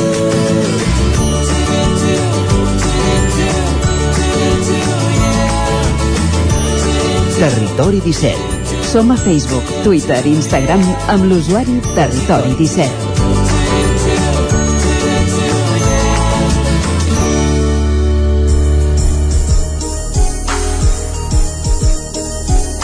L'atenció als parts retornarà a l'Hospital de Mollet dimarts vinent. Aquesta mesura afecta a la població de Sant Feliu de Codines o de Caldes de Montbui, ja que formen part de l'àrea bàsica sanitària que depèn de l'Hospital de Mollet. Anem cap a una codinenca amb la Caral Campàs. Bon dia, Caral. Bon dia, Vicenç.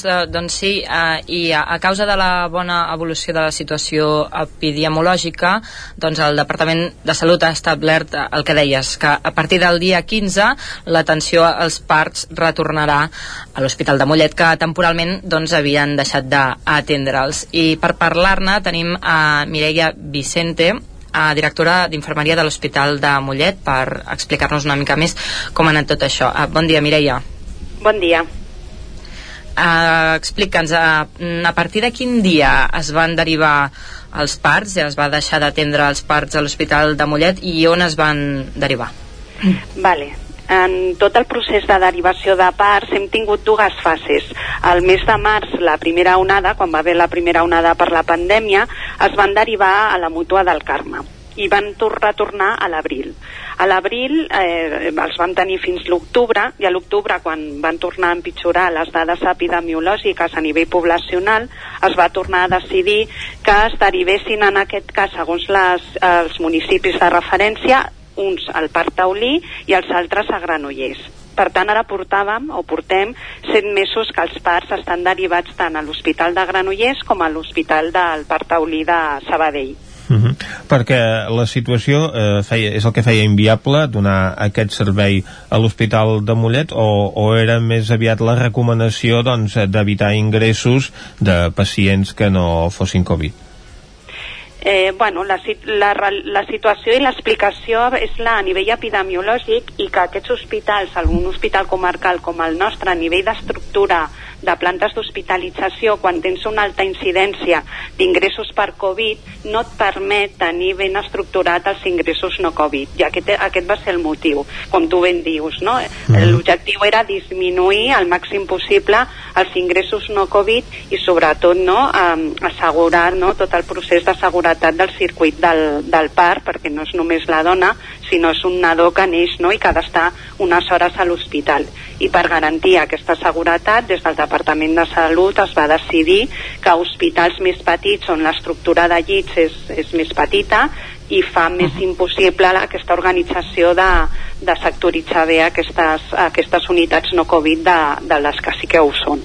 Ara en aquests moments, com això ho permet, perquè hi ha un mínim d'ingressos eh, per Covid, o sigui, és, un, és, és molt poquet, i la gran majoria d'estructura de llits és per pacient no Covid, garanteix no, aquesta seguretat en, en tot el procés d'atenció a la dona i al, i al nadó.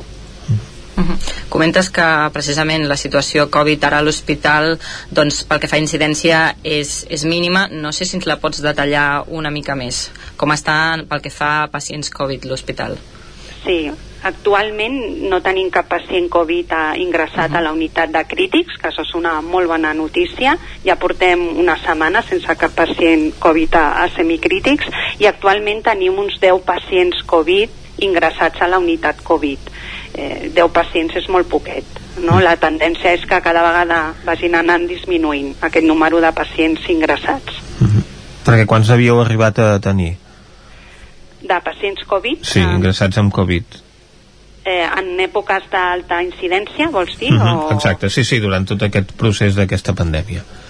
Sí, bueno, en la primera onada era tot l'hospital Covid, Mhm. tot el mes de març, a més eh, vull recordar no, que vam ser un dels hospitals de més alta incidència a Catalunya, de les, dels més alts, i vam tenir tot l'hospital, a més amb dispositiu, dispositius que no estaven previstos per l'hospitalització, com per exemple tota l'àrea de consulta externa, hospital de dia oncològic, hospital de dia mèdic amb ingressos Covid. Per tant, la primera onada va ser monogràfic Covid, no? amb, amb duplicant el, el número de llits que, que l'hospital funciona normalment.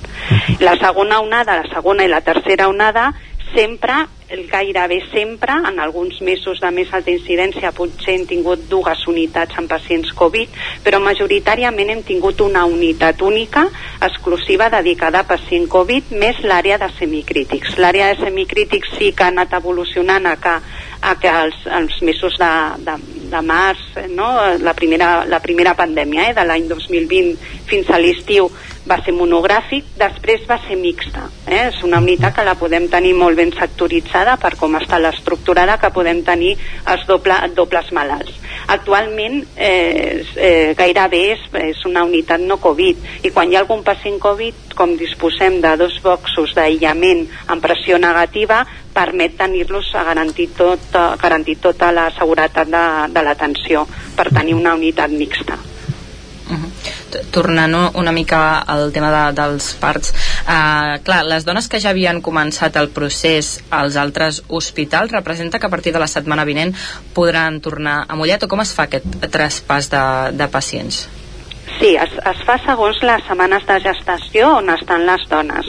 Vale? Segons aquestes setmanes de gestació, eh, si són eh, les setmanes, pues, que, és el, que és la setmana 36, a partir de que quan s'apropa ja a la, al final de la gestació, aquest control que s'estava fent des de la CIR de Mollet, això sempre ha sigut així, això no s'ha canviat. El control de la gestació des de la CIR no s'ha canviat mai. L'únic que hem fet ara és coordinar-nos molt bé des de l'hospital amb la CIR de Mollet per veure per informar aquestes dones que estan en procés de gestació, que s'estan acostant al final de l'embaràs, per informar-les de que ja podran venir a fer el procés final a l'hospital de, de Mollet. Els dies finals, amb aquelles part, dones que estiguin molt, molt, molt al final i que sigui imminent al part, pot passar que sigui abans del 15 de juny i aquestes dones, bueno, doncs, si es posen de part abans del 15 de juny aniran a, a, a tenir el seu nen o nena a l'Hospital de Granollers o bé al Parc Taulí serà un moment d'impàs d'uns dies, d'una setmana, eh, amb aquelles dones que estan més al final de l'embaràs, però amb les altres que és molt programat i que la CIRA això ho té molt controlat, doncs ja ens hem organitzat i, hem, i hem establert un circuit de coordinació i d'informació perquè arribi bé aquesta informació a totes les, les dones i, i el circuit ja està establert i per tant podran venir a, a tenir el seu, el seu fill sense problema a l'Hospital de Mollet. I uh, en temps de Covid uh, l'atenció als parts ha hagut de canviar molt, ha hagut de prendre moltes mesures preventives? no, no són molt diferents a les que estem prenent aquestes mesures preventives amb la resta de pacients que ingressen per a un altre procediment a l'hospital, uh -huh. que és sempre fer una PCR a l'entrada, uh, en aquest cas a la dona, mm, mantenir totes les mesures preventives de precaució estàndard amb l'ús dels EPIs adequats, eh, sectoritzar bé no, la, les sales de parts, que això també ja ho hem fet, i seguir el protocol que ens marca el departament, que ja és el que havíem estat fent al, a l'abril, no, quan els vam tenir aquí, els parts, i no ha canviat gaire. Vull dir que, que no, amb això estem preparats i no, no hi ha cap canvi que haguem fer diferent a l'hospital per, a, per atendre'ls d'unes altres coses que no estigui, estiguem fent diferent amb els altres pacients que ingressen a l'hospital. Uh -huh. També volíem preguntar-vos, no sé si detecteu que les famílies eh, tenen por de parir en un hospital pel tema de la pandèmia. Bueno, eh, sí, és normal, igual que tenen por els pacients no, que venen ingressen per urgències, però sí que és veritat que és la incidència més alta de transmissió de Covid, i això està demostrat, eh, més alta és a la població, és a l'àmbit familiar, a l'àmbit d'amics, i això està demostrat no només a Mollet, sinó a nivell mundial, on es més es transmet la Covid no és als hospitals, sinó és a la comunitat. Per tant, on, on hem de ser molt més prudents i on hem de ser més incisius en és en mantenir les normes de preventives a, a la comunitat. Als hospitals penseu que tots els protocols de neteja i desinfecció abans de la Covid ja eren molt exigents, els, els professionals ara estan més que sensibilitzats en, en utilitzar totes les, les EPIs, els equips de protecció individual per no infectar-se al professional, però sobretot per no transmetre microorganismes entre pacients eh, a, a, a través dels professionals. Ja estan super, super sensibilitzats. Es, això ja ho estaven abans, però ara encara més. Per tant, a l'hospital ara, avui en dia, potser és dels entorns més segurs per no contagiar-se en aquests moments. Eh? Jo no dic en el moment de la pandèmia, que estava tot molt descontrolat, però ara en aquests moments, amb els protocols que apliquem, amb tota la vigilància que fem a nivell epidemiològic, lògic de tot el procés eh, és, és molt improbable, no? No és impossible, però bueno, eh, jo crec que hem de transmetre un missatge de tranquil·litat, de que l'hospital és segur i de que les coses s'estan fent com toca, no? Aplicant ens quedem, ens quedem amb aquest missatge, Mireia, se'ns acaba el temps, moltes gràcies per acompanyar-nos. Vinga, gràcies.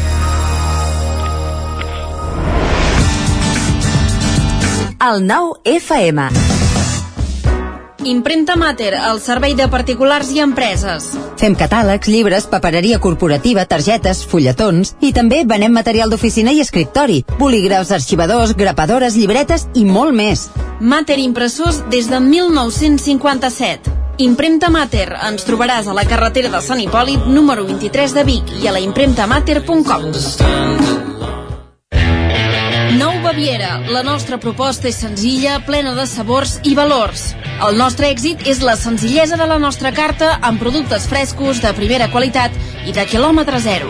Som especialistes en frankfurts, hamburgueses 100% de carn de vedella, entrepans i una de les millors patates braves de tot Vic. Amanides, plats combinats, tot al teu gust. Nou Baviera. Ho fem per tu com si fos per nosaltres. Som al carrer Verdaguer número 36 de Vic. Radella de Sant Joan, al restaurant Casa Vostra. Sopar, música en directe amb Joan Aromí, fi de festa amb coca, llangonissa i cava. Vine i disfruta de la Rebella de Sant Joan amb un bon sopar i la millor música. Restaurant Casa Vostra al carrer Pla de Balanyà, número 18 de Vic. Fes la teva reserva al 639 355 320. El Roures Parc de Ceba. Obrim a partir del 26 de juny. Pista de vòlei, pista 3x3, bar, zona pícnic i una gran caseta de boles. Dues piscines amb grans espais verds per adults i una piscina dedicada a infants amb màxima garantia d'higiene i seguretat. El Roures Parc de Ceba. Obrim cada dia, matí i tarda, amb reducció de preu per l'accés matinal. T'esperem al Roures Parc de Ceba.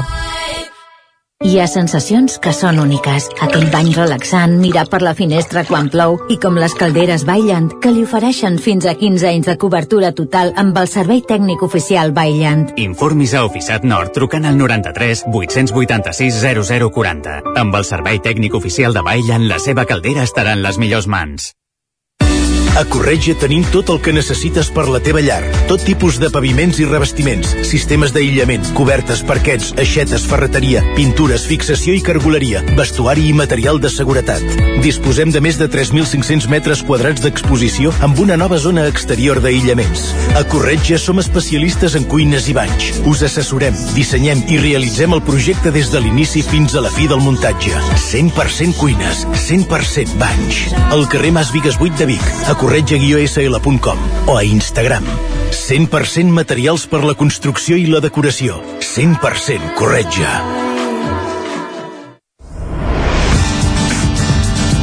El nou FM.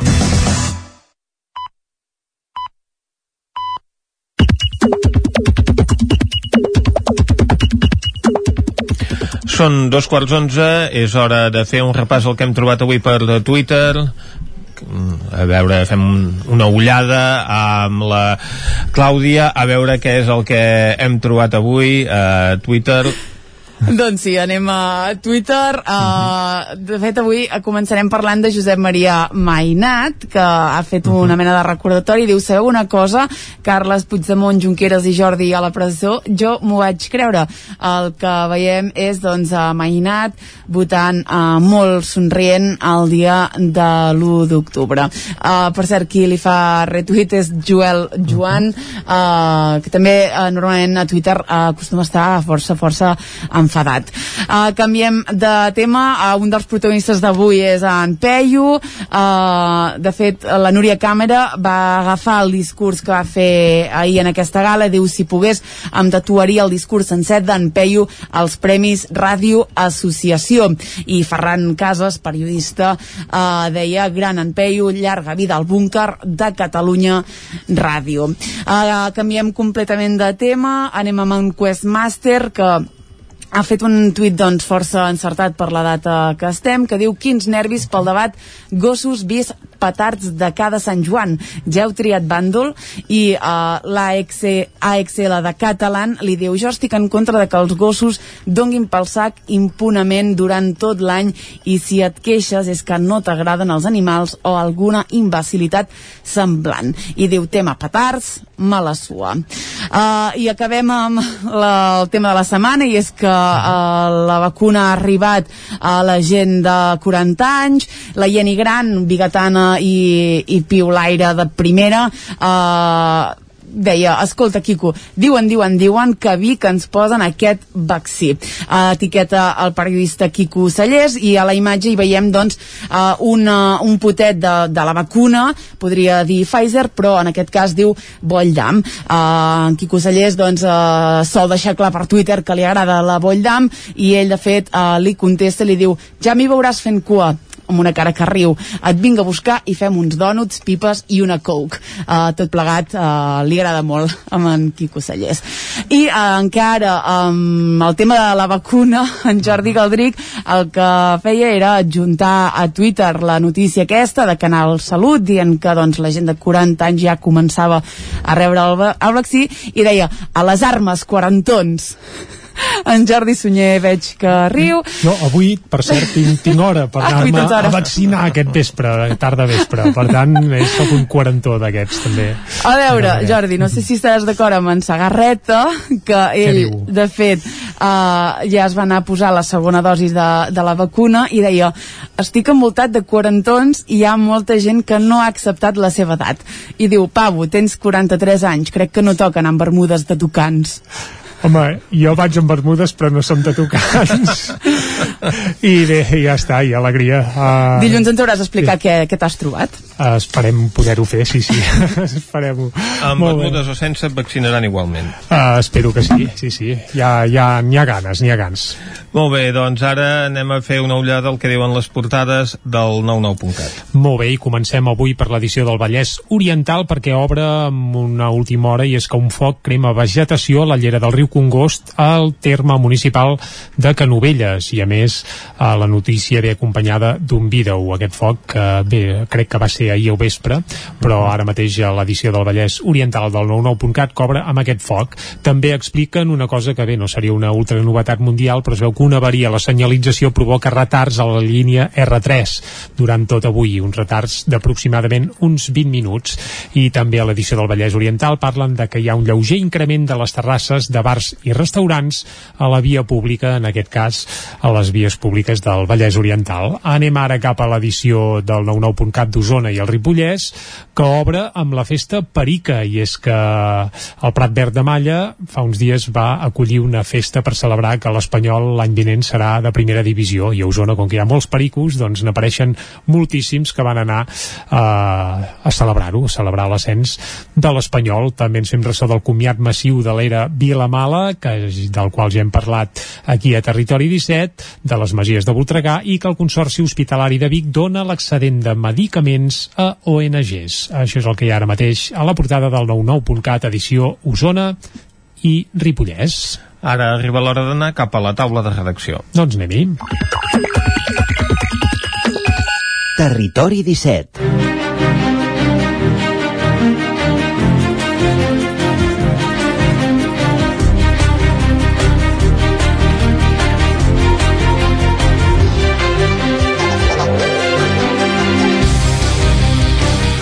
Avui a la taula de redacció comptarem amb la Caral Campàs i l'Isaac Muntades.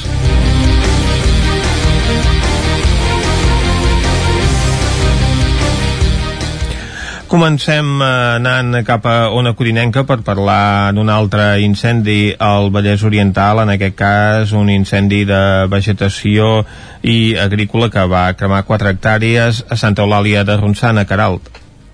Doncs, doncs sí, eh, es va rebre l'avís eh, ahir, 10 minuts abans de, de la una del migdia, i s'hi van desplaçar quatre mitjans aeris i, i també nou dotacions terrestres dels bombers.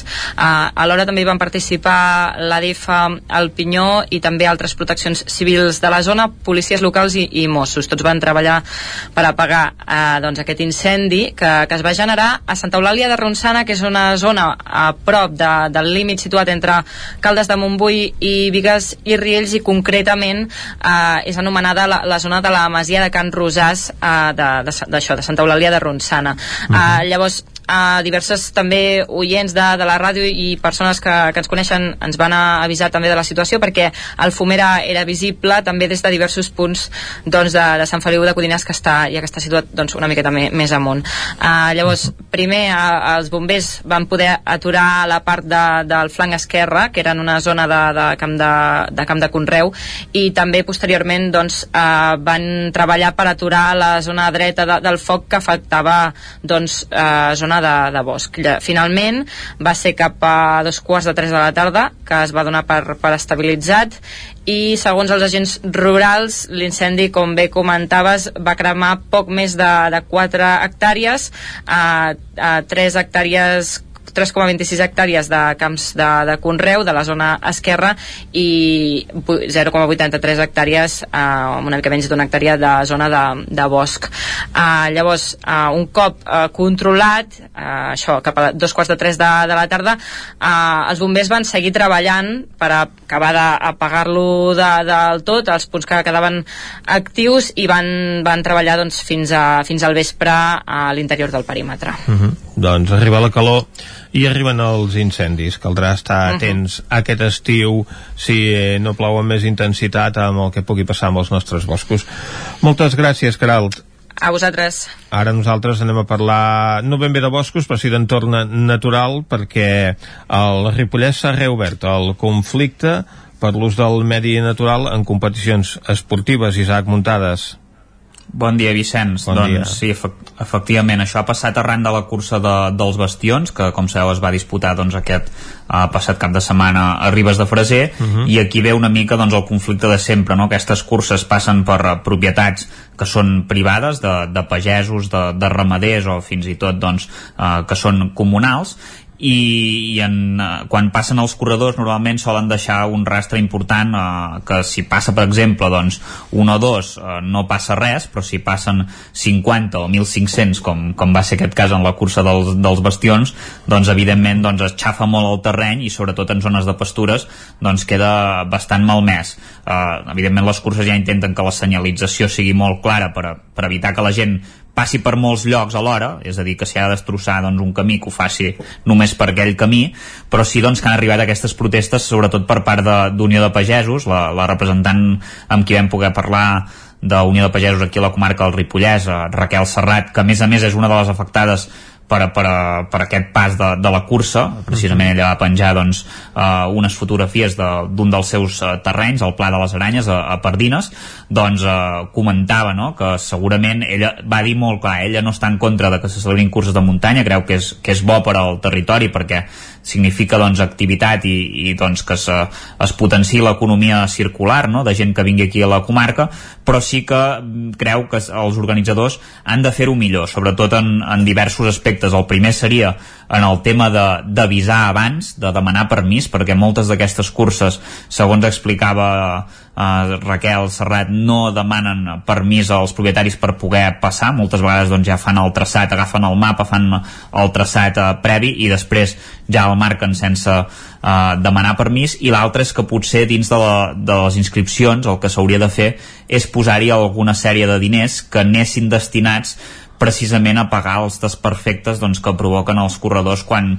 quan passen per aquestes zones. De fet, ara fa poc recordem que l'Ajuntament de Carals, per exemple, va fer, eh, va fer una ordenança doncs, perquè les curses paguin una sèrie de diners, unes taxes doncs, per poder eh, celebrar-se i que repercutiran després en la regeneració de, del medi, no? que això, per exemple, doncs, des de Canals ja van ser proactius en aquest aspecte, però, però bé, ella demana doncs, aquesta implicació des de les curses, no? que, que ja s'hi fiquin aquestes eh, inscripcions i, i, i va haver una mica de picabaralla a, la, a les xarxes socials perquè hi havia gent que deia que no ho entenia, que aviam si no es podia fer res, que fins i tot algú que deia les vaques també deixen rastres semblants, però, però esclar, aquí Raquel Serret va, va comentar que, clar, ells paguen perquè les vaques pasturin, vull dir que Mhm. no paguen perquè els corredors hi vagin, no? que és una diferència bastant important i, i bé, i sobretot d'això no? també que, que a vegades doncs, eh, hi ha fils que queden oberts de tancats no? que llavors que provoquen que, que les vaques i el bestiar doncs, es pugui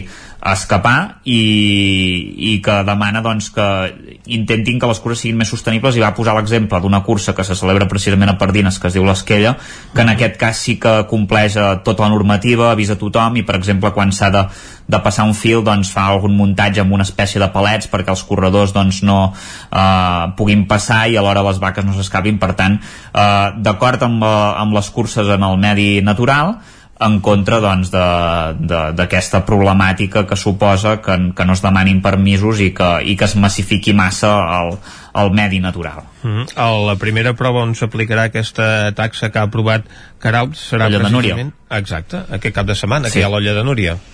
Exacte, de fet aquest cap de setmana, ara, ara ho has dit molt, molt bé, eh, amb l'Olla de Núria s'aplicarà aquesta taxa de Carauts, serà la primera cursa que, que ho apliqui, de fet estava previst que s'implementés al juny, per tant ja, ja queda clar, i, i bé, són aquest tipus de curses segurament el que generen més dubtes, no? perquè són les que porten més gent, no? Hi havia més de, no sé si eren entre 600 i 700 inscrits els que hi havia a l'olla de Núria com a mínim ahir, eh, de, del que vaig poder veure, eh, seria la, la meitat dels bastions, però clar, també també doncs, eh, bueno, és una cursa de més nivell passa per menys eh, no té tant recorregut com els bastions és més important evidentment però, però bé eh, és una quantitat de gent que per un dia també déu nhi eh? no, no és una cursa de, de 200 eh, 150 persones. Mm I no passa per pastures, això també. Exacte, passa per cim sobretot. Aquí, aquí està. Doncs en parlarem d'aquí un moment a l'agenda esportiva de l'Olla de Núria. Ara nosaltres tanquem la taula de redacció Territori 17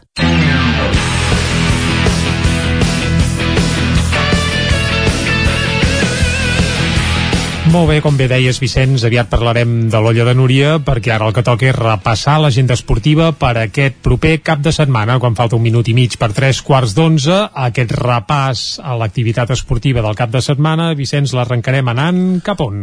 Doncs l'arrenquem anant cap a Ràdio Carladeu amb l'Òscar Muñoz. Òscar, bon dia. Bon dia, Jordi, bon dia, Vicenç.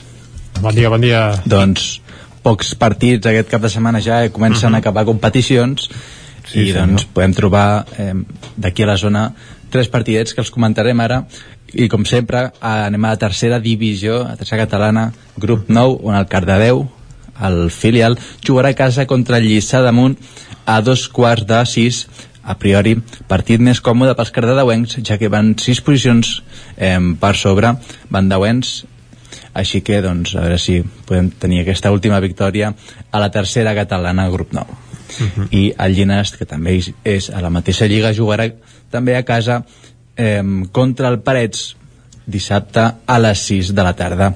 Aquest partit és molt més complicat ja que el Parets va primer de la Lliga i, els, i el Llinast doncs, van cap, mitja taula cap a baix uh -huh. així doncs que eh, bona fase final del Llinast però esperem que doncs, acabi guanyant el primer classificat uh -huh. i del, de l'handbol, ai, del futbol, ens anem al futbol sala amb l'últim partit del, del primer equip del Cardedeu que eh, aquesta temporada no ha anat massa bé i ara són situats a la, a la, a la plaça 14a així que aquest cap de setmana, aquest diumenge jugaran fora de casa contra el Farmàcia Llenguela Castellà això serà a les 7 de la tarda i acabem aquí a, a Cardedeu i amb aquest repàs on aquest cap de setmana es disputarà la segona fase comarcal de gimnàstica rítmica al pavelló municipal d'esports de Cardedeu. Uh mhm. -huh.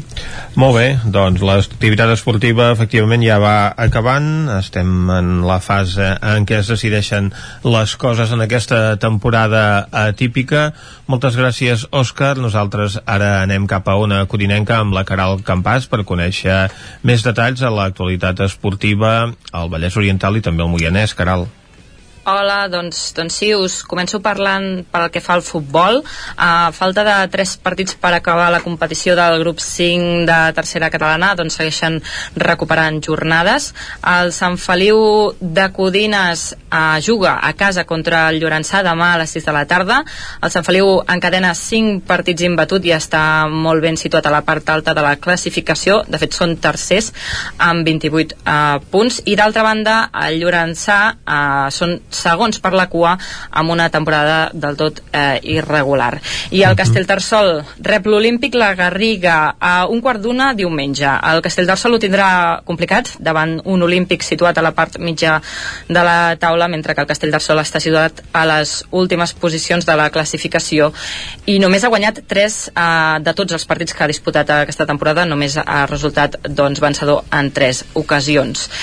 I per acabar el futbol, el Mollà visita el Santa Eugènia dijous vinent, dia 17 a les 9 del vespre. El Mollà està al número 8 de la classificació, empatat amb el Manlleu amb 17 punts i precisament també empatat amb el Santa Eugènia amb 17 punts també, per tant és eh, un rival directe. Veurem com va aquest partit. El Mollà ha tingut també una temporada força irregular i els últims 3 partits disputats doncs, doncs els ha perdut.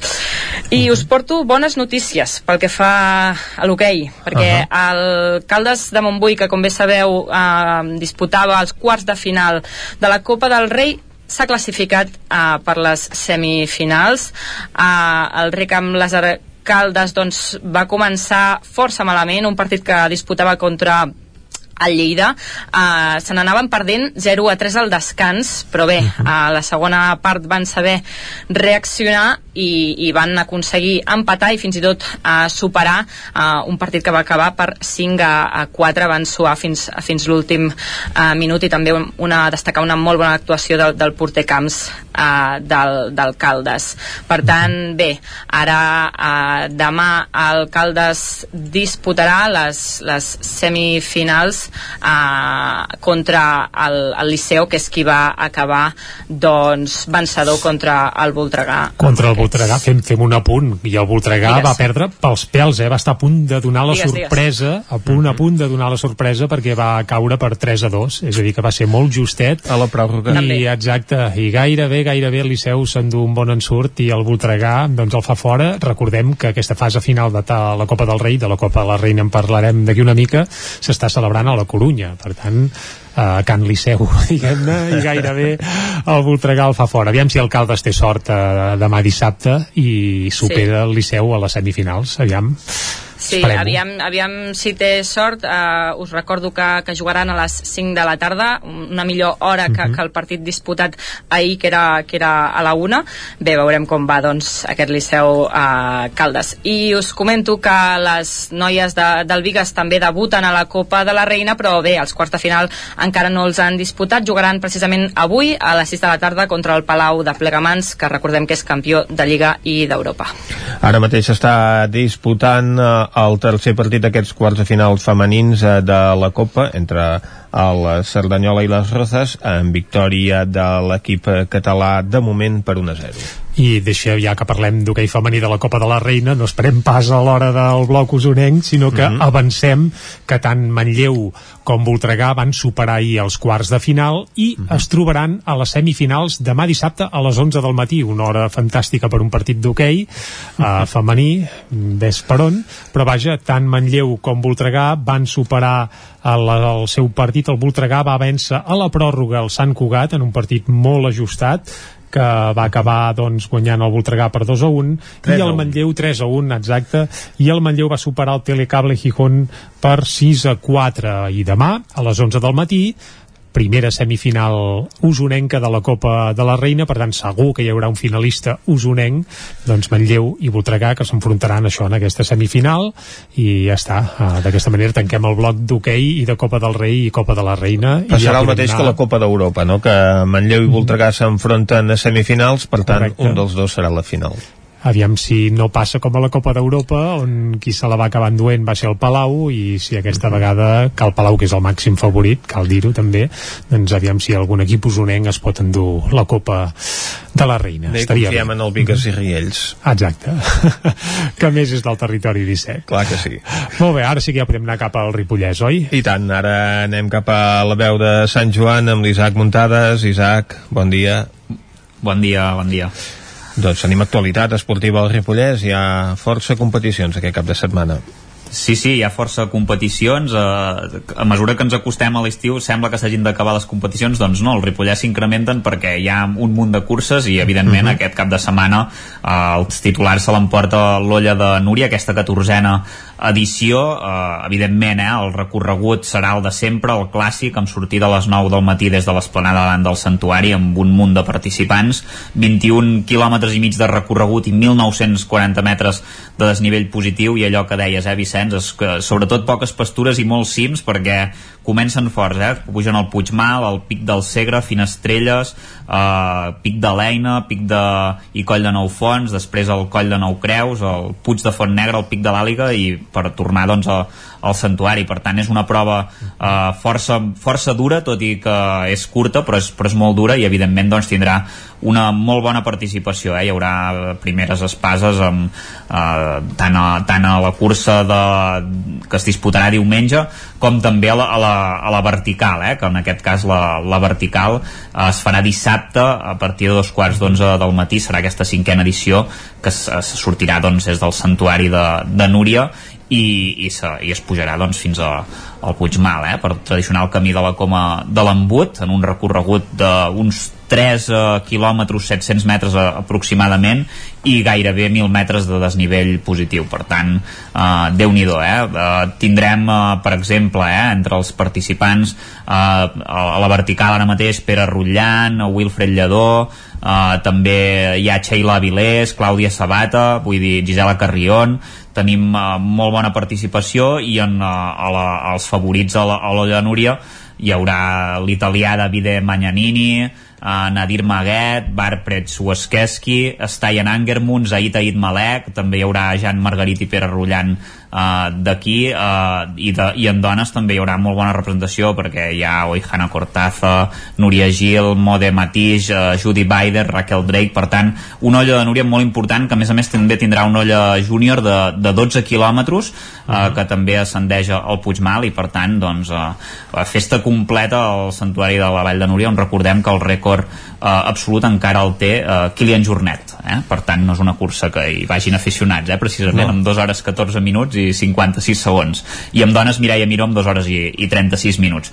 Uh, això seria segurament el més destacat d'aquest de, cap de setmana.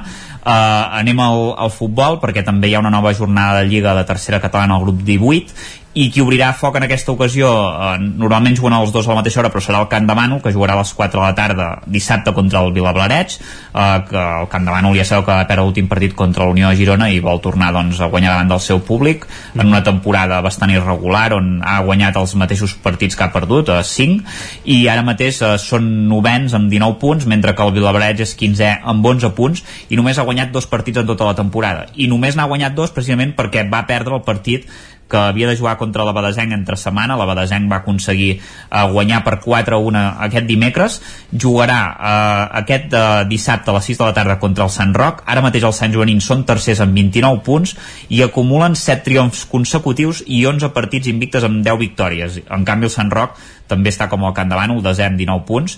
Uh, un partit molt important perquè els Sant Joanins penseu que si no els haguessin uh, donat per perdut el partit per alineació indeguda amb les planes, ara mateix serien co-líders. Ara mateix tindrien els mateixos punts que l'Unió Girona, 32. Però potser els haurem de lamentar aquests punts a final de, de temporada i ara mateix doncs, uh, només els hi queda que guanyar. Uh, després un parell de coses més per acabar pel que fa a futbol sala a la segona fase de la Lliga de Primera Nacional aquesta jornada a l'Escola de Futbol Sala Servicat uh, Ripoll visitarà el Padre Damián aquest diumenge a dos quarts de vuit del vespre. És un partit a caixa o faixa. Si els ripollesos guanyen doncs es posen de ple en la lluita per almenys la segona posició de, de, del campionat. Però si perden diran pràcticament matemàticament a la Lliga. Ara mateix són setens eh, el Ripoll amb 7 punts i un partit menys uh, però la classificació doncs, està molt, molt apretada amb l'excepció del primer classificat que té uh, eh, 12 punts però, però amb dos partits uh, menys.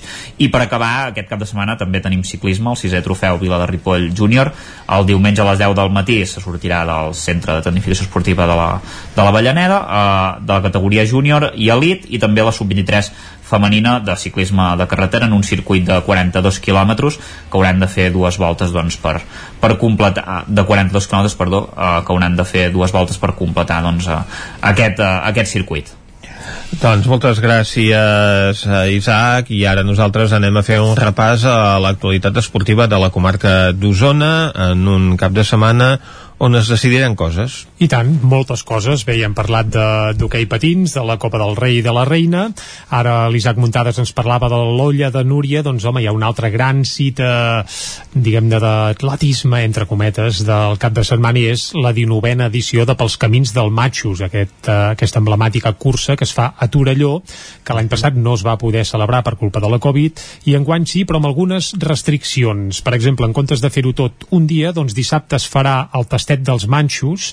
El tastet és una cursa eh, de 23 quilòmetres amb un nivell acumulat, amb un desnivell, perdó, acumulat d'uns 2.800 metres, per tant, té la marinera, déu nhi mm. i el diumenge aquí sí que es farà el, pels camins dels, dels Manxos convencional, amb un recorregut de 63 quilòmetres, que recordem que va a Cabrera, al Puigcercalm, al cim del Bellmunt, al Castell dels Torelló, i després torna a Torelló, un recorregut circular, però també hi han recorreguts un xic més assequibles, del diumenge, part del gros, que és el dels 63 quilòmetres, n'hi ha un de 56, un de 53 i un de 48 quilòmetres. El, pels camins dels matxos, doncs, protagonitzarà el cap de setmana pel que fa a les curses de muntanya, doncs, a Torelló, tant dissabte com diumenge. Mm. Anem ara, si et sembla, breument a parlar de tennis taula, i és que aquest cap de setmana també es decideix la superdivisió femenina eh, espanyola, i el Vic, doncs, com a primer classificat, que és del grup 2, jugarà aquest dissabte a les 4 de la tarda la primera de les semifinals pel playoff pel títol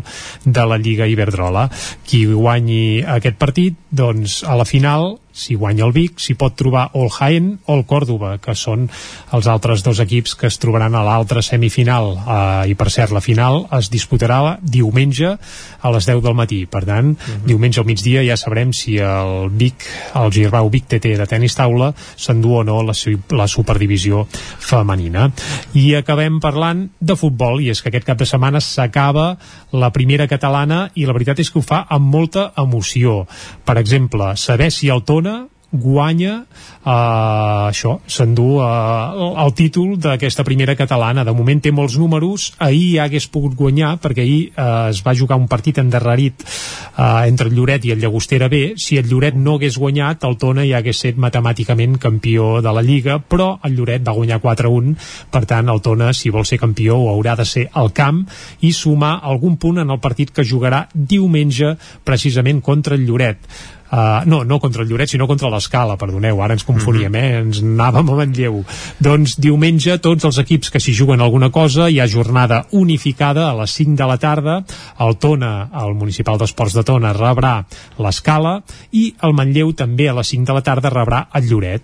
En cas hipotètic que guanyés el Lloret i perdés el Tona, doncs qui s'enduria el títol seria el Lloret. Uh, si no, doncs el Tona només amb un empat ja en té prou per endur-se el títol d'aquest subgrup UA de primera catalana. Recordem que el guanyador de la primera catalana doncs, disputarà el playoff d'ascens a tercera divisió.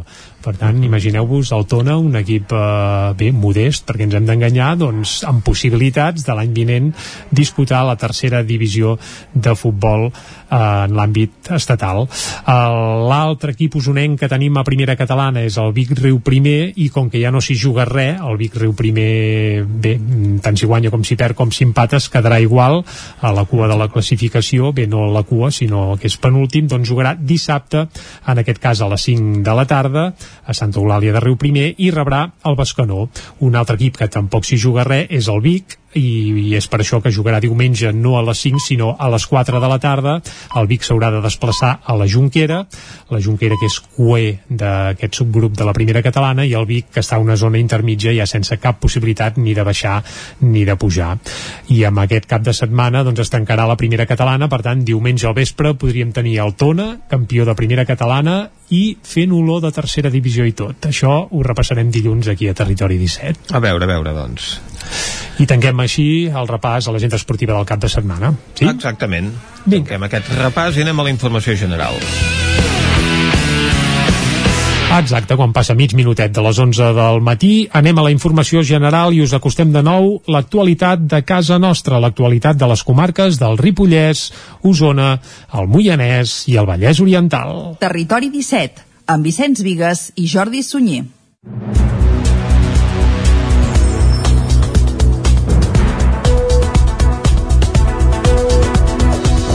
El Consell Comarcal d'Osona ha definit el pla director de vies ciclistes interurbanes que dibuixa una quarantena de carrils bici a la plana de Vic, amb una inversió global de prop de 40 milions d'euros. El document es va presentar al Consell d'Alcaldes i Alcaldesses d'Osona, on també es va exposar les recomanacions per evitar que es creïn macroparcs solars a la comarca. 41 carrils bicis amb un total de 152 quilòmetres de traçat que enllaçarien diferents poblacions de la plana de Vic amb una inversió global orientativa de prop de 40 milions d'euros euros. Són les grans xifres que apareixen al pla director de vies ciclistes interurbanes que aquest dimecres es presentava al Consell d'Alcaldes i Alcaldesses d'Osona. El document s'ha elaborat per poder optar a més subvencions. També s'hi defineixen les possibles vies de finançament a les que poden optar els ajuntaments que seran de fet els que hauran d'executar les actuacions. Ramon Roig és el conseller comarcal de Desenvolupament Rural. En tot aquest territori s'ha traçat tota una sèrie de carrils bici que serien els que permetrien una dualitat entre eh, carrils bici que per dir una forma tenen un sentit per la mobilitat quotidiana, que això ho hem tingut en compte, i en altres doncs, que potser tindran un caire més turístic o no tant de, de, de mobilitat laboral a la mateixa sessió que recuperava la presencialitat es van exposar les principals recomanacions consensuades al Consell Comarcal per la regulació de parcs solars fotovoltaics. Diversos alcaldes van intervenir per agrair que hi hagi aquest treball com a punt de partida i també per demanar més comunicació entre els ajuntaments. Sentim per aquest ordre a Jordi Fàbrega, alcalde de Sant Pere de Torelló, a Josep Casasses, alcalde de Gurb i a Mercè Cabanes, alcaldessa de Taradell El que plantegem és unes recomanacions i que cada ajuntament o cada municipi adapti en base a aquestes recomanacions. També per una altra cosa, perquè sí que nosaltres anem potser avançats en un sentit, que és que ja estem creant una comunitat energètica local mitjançant una cooperativa que en aquests moments ja hi ha més de 80 veïns i veïnes apuntats a la cooperativa. De la mateixa manera que hem ordenat el sol residencial, de la mateixa manera que hem ordenat el sol industrial, segurament hem d'ordenar la implantació d'energia de, solars o de parcs solars. Ens trobem en que al costat ens fan grans parcs solars, bueno, o petits, però sense tenir-hi ni, ni art ni par i que potser em, em, em poden no perjudicar, però sí afectar més que no pas un del propi municipi que estigui a dalt de tot de l'enclusa. Entre les recomanacions de l'Agència Local de l'Energia d'Osona i el Consell Comarcal hi ha que els parcs solars siguin com a màxim de 10 hectàrees, que es prioritzin com a emplaçaments les zones degradades i minimitzar la infraestructura de connexió i transport de l'energia. La tendència a la baixa dels ingressos per Covid-19 a Osona es manté una setmana més. Aquest dimecres hi havia internades 25 persones als hospitals de la comarca, dues menys que ara fa una setmana. Del total de malalts ingressats, 11 són a l'Hospital Universitari de Vic, quatre dels quals a la unitat unitat de cures intensives i 10 a l'Hospital de la Santa Creu. Les quatre persones restants es troben ingressades a l'Hospital Sant Jaume de Manlleu. Pel que fa a les defuncions, en els últims 7 dies se n'ha enregistrat una de nova a la comarca atribuïda a la Covid-19. Segons dades del Departament de Salut, en l'última setmana a Osona s'han detectat 72 casos nous de coronavirus. La campanya de vacunació, per la seva banda, continua avançant a bon ritme. Ara mateix ja hi ha 61.708 persones que han rebut la primera dosi del vaccí, 2.700 més que la setmana passada, i 34.944 que porten les dues dosis. Des de dijous a primera hora més, les persones d'entre 40 i 44 anys, és a dir, les persones nascudes entre 1977 i 1981, ja poden demanar cita prèvia per vacunar-se. Una regidora de Ripoll, que a més és bibliotecària a Sant Joan de les Abadeses, anuncia que té esclerosi múltiple per visibilitzar la malaltia. Isaac Muntades, des de la veu de Sant Joan. El passat 30 de maig es va celebrar el Dia Internacional de l'Esclerosi Múltiple. Es tracta d'una malaltia neurològica crònica que es produeix al sistema nerviós central i que afecta el cervell i la medul·la espinal. L'esclerosi múltiple és una malaltia degenerativa per la qual no hi ha cura. A Anna Belén Avilés, encarregada de la Biblioteca Josep Picola de Sant Joan de les Abadeses, professora d'escola i regidora de l'Ajuntament de Ripoll, li van detectar aquesta malaltia fa uns mesos i fa poc ha fet pública que la patia en un article de diari. Avilés va decidir fer-ho públic perquè pel fet de tenir una malaltia creu que no se n'ha d'avergonyir i invisibilitzar-la. L'esclerosi múltiple és una malaltia que no es manifesta de sobte i a Avilés se li ha manifestat lentament. De fet, he patit moltíssims esguinços. Des de fa uns anys em notava doncs, a les mans, als peus, com se m'adormien. Diferents cosetes, no? diferents símptomes que potser tu no relaciones els uns amb els altres i que vas deixant passar, penses, doncs això potser no té tanta importància, igual ets tu, a vegades penses fins i tot que t'estàs emparanoiant, no? I que, i que sents coses que, que potser no hi són, però que llavors, i aquestes coses eren allò que jo comentava en l'article de que la malaltia anava fent feina ansiosa i de fons, no? I llavors arriba un dia, en aquest cas, en el meu cas va ser l'octubre, que et dona un brot molt fort i que de fet m'ha deixat afectada la mobilitat i tal, i a partir d'aquí doncs et fan una sèrie de proves i és quan veus que realment doncs això és una cosa que ja arrastraves, que estava allà fent feina i aquest brot ha estat el que m'ha ajudat a mi a posar-li un nom, però a canvi m'han quedat certes habilitats doncs afectades. De fet, Avilés ara sempre ha de portar una crossa per poder caminar. La malaltia té una incidència més alta en el sexe femení, ja que per un home que la pateix hi ha quatre dones que la tenen. Sobretot es diagnostica entre els 25 i els 40 anys. La bibliotecària explicava quin tractament segueix des de llavors. En el meu cas, és un tractament intravenós cada 6 mesos que serveix per controlar, per evitar que hi hagin nous brots o per intentar evitar que hi hagi nous brots. De moment, de fet, com que el diagnòstic és tan recent, només porto una tanda, la que em van fer ara al febrer, a l'estiu n'hauré de fer una altra i anem fent visites de seguiment. Avilés pren un medicament relativament nou que fa dos anys que està al mercat i també ha signat un munt de permisos a l'Hospital de Santa Caterina de Girona, que és la unitat especialitzada a les comarques gironines perquè es puguin fer servir les analítiques perquè la ciència investigui la malaltia. El ple de Sant Antoni de Vilamajor ha aprovat un conveni de sessió d'ús temporal de 13 habitatges, propietat de la Sareb, per destinar-los a lloguer social o situacions d'emergència. David Oladell, de Ràdio Televisió, Cardedeu. Del total d'habitatges, el 6 del número 5 del carrer Barcelona i el número 2 de la plaça Àngel Guimarà estan ocupats. El 6 del número 1 del carrer Casas i Amigo estan desocupats, però necessiten obres i el cost màxim de les quals s'estableix en 7.000 euros. La Sareb en pagarà el 50%. El conveni inclou una contraprestació econòmica mensual de 75 euros per habitatge ocupat i 125 euros pels buits. Té una durada de 4 anys, prorrogable a 4 més. L'alcalde Raül Valentín va afirmar que s'hauria fet un conveni diferent, però la Sareb té aquest conveni tipus. Quim Vergés, regidor d'habitatge, admet que el conveni signat és millorable. Afirma que si no l'agafes et quedes sense habitatges. Fa 4 anys l'Ajuntament buscava un pis per emergències i ara en tenen 13 hi ha la probabilitat de que Sareb vengui els pisos a fons voltors.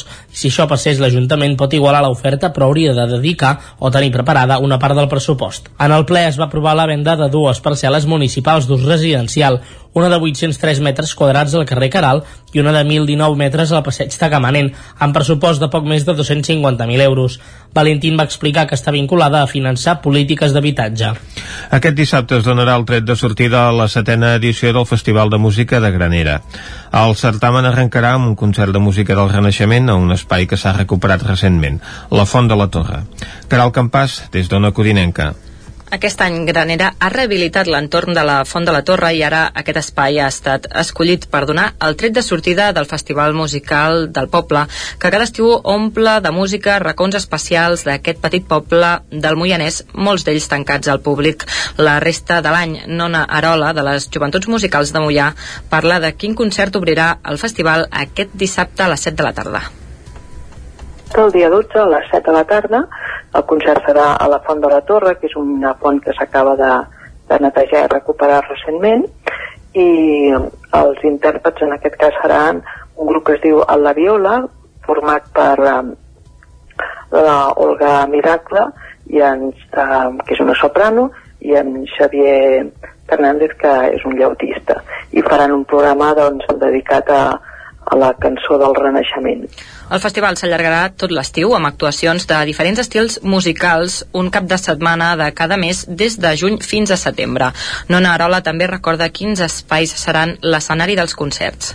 Sí, el primer serà la Font de la Torre, el segon serà la Galeria de l'Arola, que és una altra masia del poble, el tercer en el Porxo del Casal, i a l'últim a la Masia del Carmer. Com sempre, el festival doncs, combina la música amb la natura i amb la descoberta o redescoberta d'alguns dels espais naturals i de, que tenim en el poble. Altres anys hi afegia un tercer eh, ingredient que era el gastronòmic, però aquest any, evidentment, pel tema Covid, doncs no ho podem fer. Doncs mm. ens conformarem, ens alimentarem simplement de música aquest any. D'aquesta manera, jazz, rumba, música clàssica i tradicional es donaran cita aquest estiu als racons amagats del poble més petit del Moianès. Oques Grasses, Stay Homes i Buós són els caps de cartell del primer Cabró Rock, el festival que arrenca avui a la zona esportiva de Vic, que es convertirà en el primer gran esdeveniment musical d'Osona en la postpandèmia. Hi haurà 3.000 cadires i el públic haurà de seguir els concerts assegut en grups bombolla i portant mascareta. Les 3.000 cadires que ja s'hi estan col·locant ompliran l'esplanada de la zona esportiva de Vic, que avui demà dissabte acull el Cabró Rock, el primer gran festival que es fa a Osona en la postpandèmia.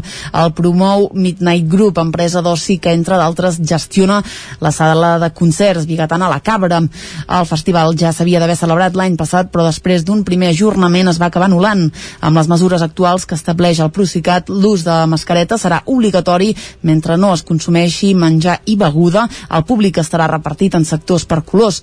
Les actuacions s'hauran de seguir des de la cadira i ha grups de com a màxim 4 persones. Xevi Huguet és un dels organitzadors del Cabró Rock. Com que l'evolució de la pandèmia la vacunació també ha sigut una mica accelerada les últimes setmanes, doncs les mesures algunes s'han anat relaxant i per tant ens han donat ens han donat una mica més de marge a l'hora de fer segons quines actuacions a dintre, la, a dintre el recinte. Vale, llavors, sí que no, no és com el voldríem fer, ni molt menys, sí que les, els canvis d'última hora segurament també condicionen i augmenten la feina, però, però bueno, al final la cosa és que ho podem fer i que ens respecti el temps, que ens respecti que respecti tot plegat, que la gent que vingui vingui compromesa, que vingui conscient de que al final no és fàcil organitzar això amb la situació que tenim. La primera actuació avui divendres a les 6 de la tarda serà la de Diversiones i a un quart de nou pujaran a l'escenari els usonencs Oques Grasses en el primer concert a Catalunya després de la sortida del seu cinquè disc. Demà dissabte serà el torn de Buós a les 6 de la tarda i de Stay Homes a 3 quarts de 8. Xavi Huguet. La intencionalitat del, del festival és que l'any que ve continuï creixent exponencialment i que sigui un festival referenciat a Catalunya. La veritat és que és, és l'objectiu, les ganes els hi posarem i la motivació hi és, o sigui que l'any que ve continuarem el Cabro Rock 2, segur. La programació es completa amb el Cabró Kids amb el Pot Petit, un concert que es farà dissabte al migdia i que ja va esgotar les entrades fa 15 dies.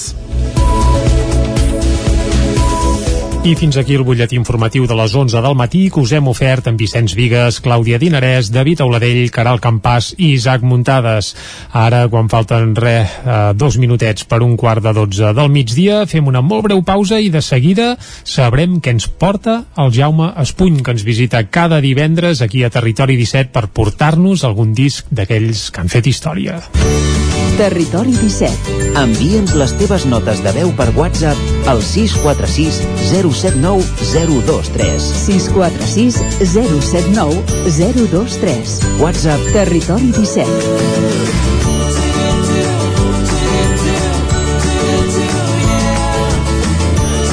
Territori 17.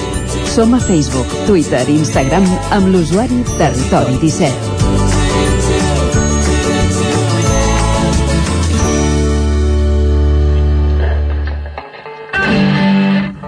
I've got to get up to get down and start all over again. Head on down to the basement and shout, kick those white mice and black dogs out. Kick those white mice and baboons out. Kick those baboons and other motherfuckers out and uh,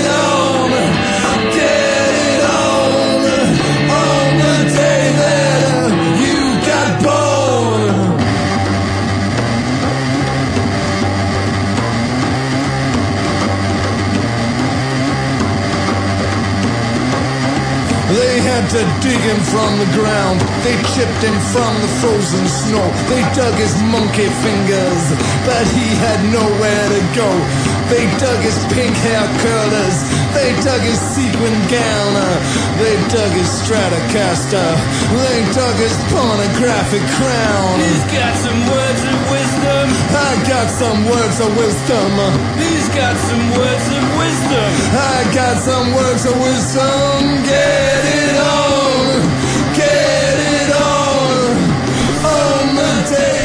La setmana passada el Jaume Espuny ja ens va alertar que segurament el que ens portaria no ho acabaríem de situar bé, que no seria molt conegut i jo la veritat, Vicenç, és que no sé pas per on van els trets, eh? Doncs no, no, ni idea. Una mica de punk, una mica de llengua esmolada, perquè hem sentit uns quants renecs a l'hora d'arrencar el disc. Uh, Jaume, què ens portes? avui? Eh, eh, és un disc del 2007, eh? Bastant Eh, no- recent, O sigui no és gaire històric. Bé, o és sí, el, o el, sí. El, grup es diu, és el grup Grinderman. Grinderman. I és el primer i penúltim disc de- d'aquest grup. El segon, que el van treure el 2010, eh, com que són molt originals, van dir el van titular Grinderman 2. Uh -huh. Eh, no són els primers que titulen els discos però, així, eh? però hi ha, hi, ha, hi ha trampa, eh? Uh, en aquest grup hi ha trampa. A veure, a veure. Perquè si mires, a veure, els components, eh, vocals, electric guitar, electric organ, piano, Nick Cave. Home, el Nick Cave, home. Hi ha trampa.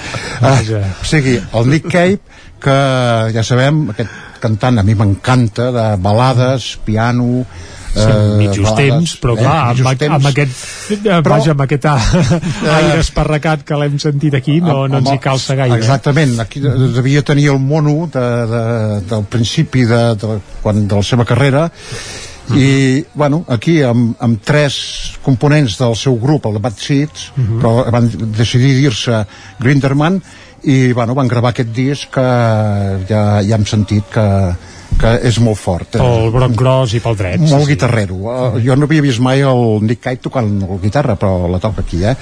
Uh ara uh, escoltarem una altra cançó, una mica més lenta, però la guitarra continua bon, molt bé, que es diu Electric Alice. Doncs va, escoltem-la.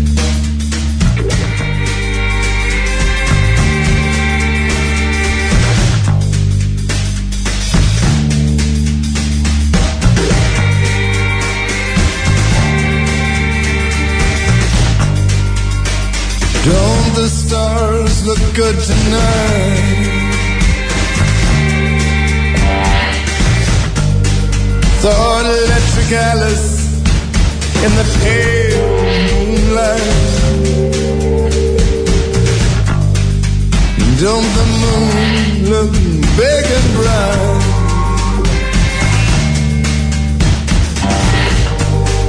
Saw electric Alice in the pale moonlight.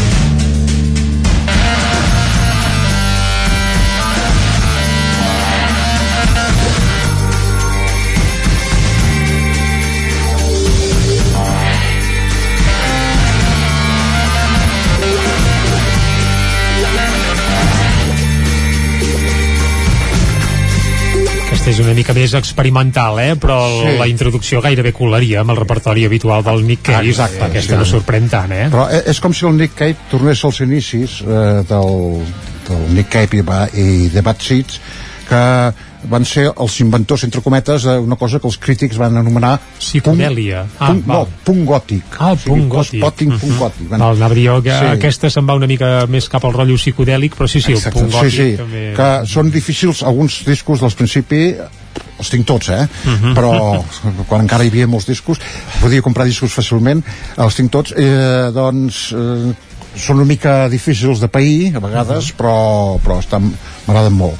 Ara, a principis dels 90 doncs eh, es va Bé, va estovar el seu va estovar, discurs, perquè ens hem exactament sí, sí. Eh, el que deia abans molt piano disc, eh, molt melòdic més melodia eh, etc. amb algunes excepcions, això sí i últimament des, de, des del 2016 que els discos que ha gravat em sembla que són tres doncs són ja, no diré tristos sinó el següent que seria eh, no sé per què eh, va quedar molt tocat l'any 2016 que té dos, tenia dos fills dos fills bessons Mhm. i un es va morir, va caure per un penya-segat allà a Brighton, on viu Carai. va morir i des de llavors que els discos són fúnebres ja eh, són molt bé per això eh?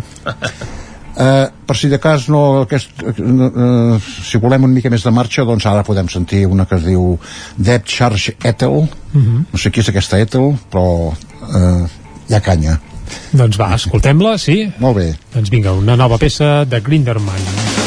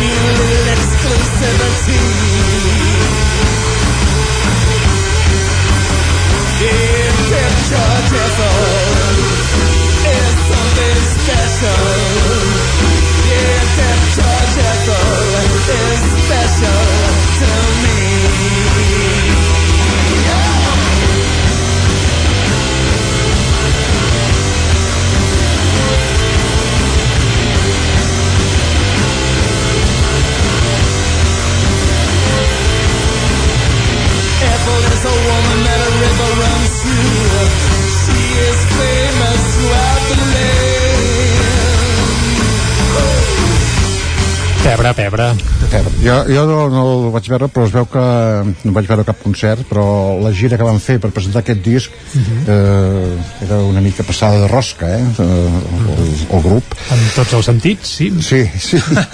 Ah, Per això va durar tan poc, no? exacte. Uh, bueno, l'altre dia vaig llegir que han anunciat que potser tornaran. Es dirà, el disc, si el graven, es dirà Grinderman 3.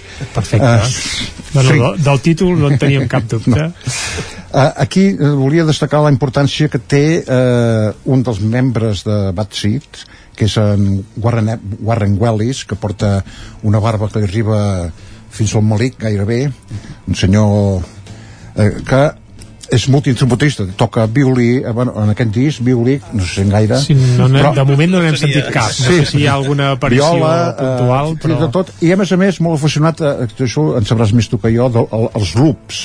Ah. Aquí es veu que eh, n'hi posa molts. Eh, de fet, és, ara actualment és la mà dreta de, del Nick Cave. Hi ha, hi ha una pel·lícula documental que, eh, que ha guanyat molts premis, a més a més, al, final, al Festival de Sundance, etc que, que és les 24 hores d'un dia d'un dia de, de Nick Cave, que fa allà a Brighton ell és australià però viu a Brighton doncs què fa durant les 24 hores? Mm, està molt bé molt bé, a, a, a més a més et tranquil·litza molt. I el disc, ai, la el documental la pel·lícula es titula 20.000 dies a la Terra. Tenia, quan el van fer, el 2014 tenia 53 anys. I això són 20.000 dies. 20.000 dies a la Terra. Carai. i, i aquí també hi surt molt el, el Warren Ellis, Wellis, Warren Ellis que diu que, que allà m'ha fet gràcia perquè diu que passa moltes més hores amb el Nick Cave que no amb la seva dona perquè tot el dia estan de, Estan de fet, treballant. de fet han compost, han compost i quan van de gira ja ni m'ho Sí. imagino clar, han compost sis o set sis o set bandes sonores de pel·lícules eh, una és La carretera, l'altra aquesta no l'he vist l'assassinat de Jesse James pel covard Robert Ford ha escrit un parell de novel·les vull dir, el tio no para és, diríem que és un Leonardo da Vinci del segle XXI Carai. alguna cosa d'aquestes Bé, o 20, perquè ja fa temps que, que, que corre. que corre sí, sí, sí. ara podem sentir una cançó que eh, Honey Bee que eh, eh, traduït seria mel de- d'abella D'abella. penses això serà una mica tranquil? no no és dolça la cançó, eh? va, escoltem-la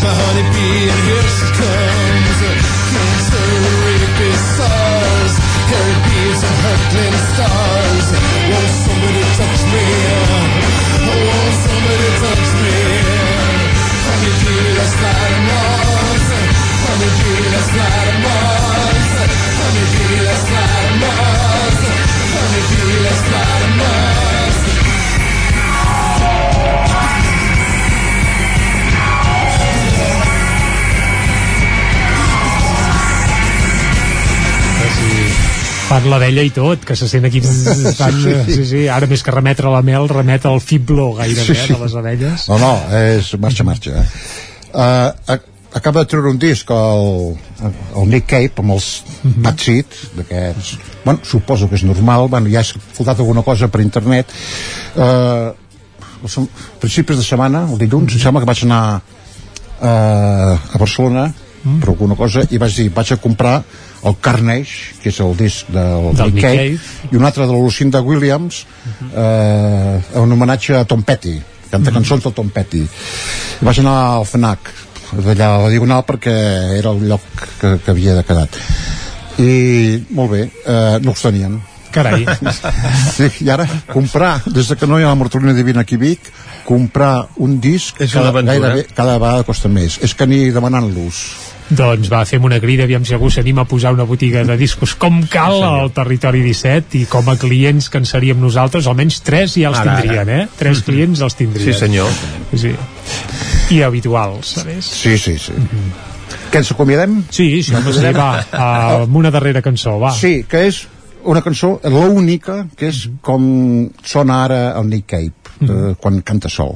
Doncs va, l'escoltem Molt bé. i amb aquesta marxarem. Per tant, Jaume, la setmana que ve. t'esperem la setmana que ve. Sí? Molt bé.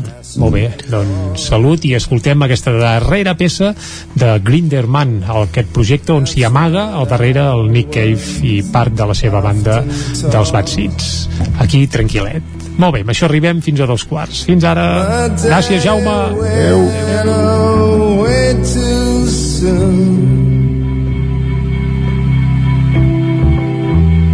Now he's living on the moon. Hang on to me, people. We're going down. Down among the fishes in an absence. Territori 17. El nou FM, la ràdio de casa, al 92.8. Ravella de Sant Joan, al restaurant Casa Vostra. Sopar, música en directe amb Joan Aromí, fi de festa amb coca, llangonissa i cava. Vine i disfruta de la rebella de Sant Joan amb un bon sopar i la millor música. Restaurant Casa Vostra al carrer Pla de Balanyà, número 18 de Vic. Fes la teva reserva al 639 355 320. Impremta Mater, el servei de particulars i empreses. Fem catàlegs, llibres, papereria corporativa, targetes, fulletons i també venem material d'oficina i escriptori, bolígrafs, arxivadors, grapadores, llibretes i molt més. Mater Impressors des de 1957. Impremta Mater. Ens trobaràs a la carretera de Sant Hipòlit, número 23 de Vic i a la impremtamater.com. Baviera. La nostra proposta és senzilla, plena de sabors i valors. El nostre èxit és la senzillesa de la nostra carta amb productes frescos, de primera qualitat i de quilòmetre zero. Som especialistes en frankfurts, hamburgueses 100% de carn de vedella, entrepans i una de les millors patates braves de tot Vic. Amanides, plats combinats, tot al teu gust. Nou Baviera. Ho fem per tu, com si fos per nosaltres. Som al carrer Verdaguer número 36 de Vic. El Roures Parc de Ceba. Obrim a partir del 26 de juny. Pista de vòlei, pista 3x3, bar, zona pícnic i una gran caseta de boles. Dues piscines amb grans espais verds per adults i una piscina dedicada a infants amb màxima garantia d'higiene i seguretat. El Roures Parc de Ceba. Obrim cada dia, matí i tarda, amb reducció de preu per l'accés matinal. T'esperem al Roures Parc de Ceba. A Corretja tenim tot el que necessites per la teva llar. Tot tipus de paviments i revestiments, sistemes d'aïllament, cobertes, parquets, aixetes, ferreteria, pintures, fixació i cargoleria, vestuari i material de seguretat. Disposem de més de 3.500 metres quadrats d'exposició amb una nova zona exterior d'aïllaments. A Corretja som especialistes en cuines i banys. Us assessorem, dissenyem i realitzem el projecte des de l'inici fins a la fi del muntatge. 100% cuines, 100% banys. Al carrer Mas Vigues 8 de Vic, a corretja-sl.com o a Instagram. 100% materials per la construcció i la decoració. 100% corretja. Hi ha sensacions que són úniques. Aquell bany relaxant, mirar per la finestra quan plou i com les calderes Bailand, que li ofereixen fins a 15 anys de cobertura total amb el servei tècnic oficial Bailand. Informis a Oficiat Nord trucant al 93 886 0040. Amb el servei tècnic oficial de Bailand, la seva caldera estarà en les millors mans. El nou FM.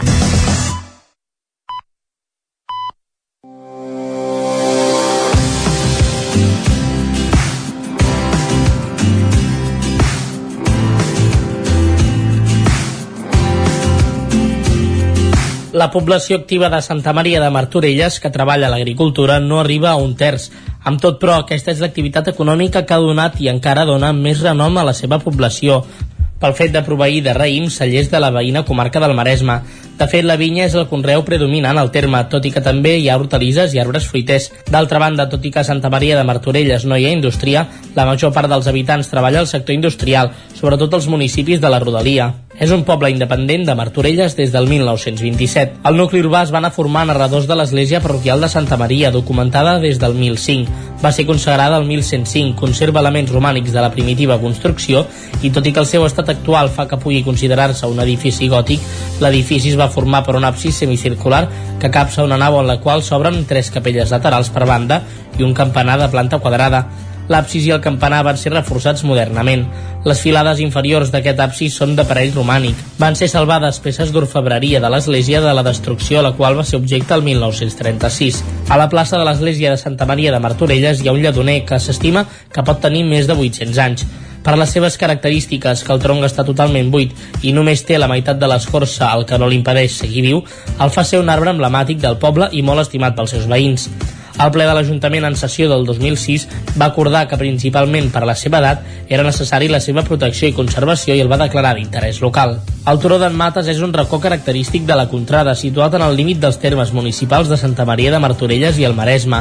Està situat a 484 metres i permet una panoràmica de 360 graus damunt la plana del Vallès i la línia de costa. Es poden observar, entre d'altres punts, Collserola, Montserrat, Sant Llorenç del Munt, el Montseny i fins i tot el Cadí i els Pirineus.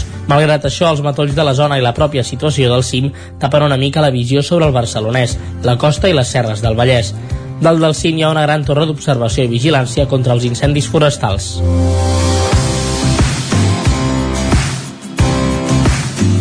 Territori 17. Doncs avui que hem conegut les bondats de Santa Maria de Martorelles i ara ens n'anem cap a la R3.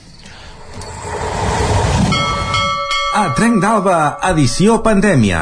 Ara sense els usuaris que ens explicaven les seves desgràcies a la R3, però amb els mateixos retards i problemes de sempre.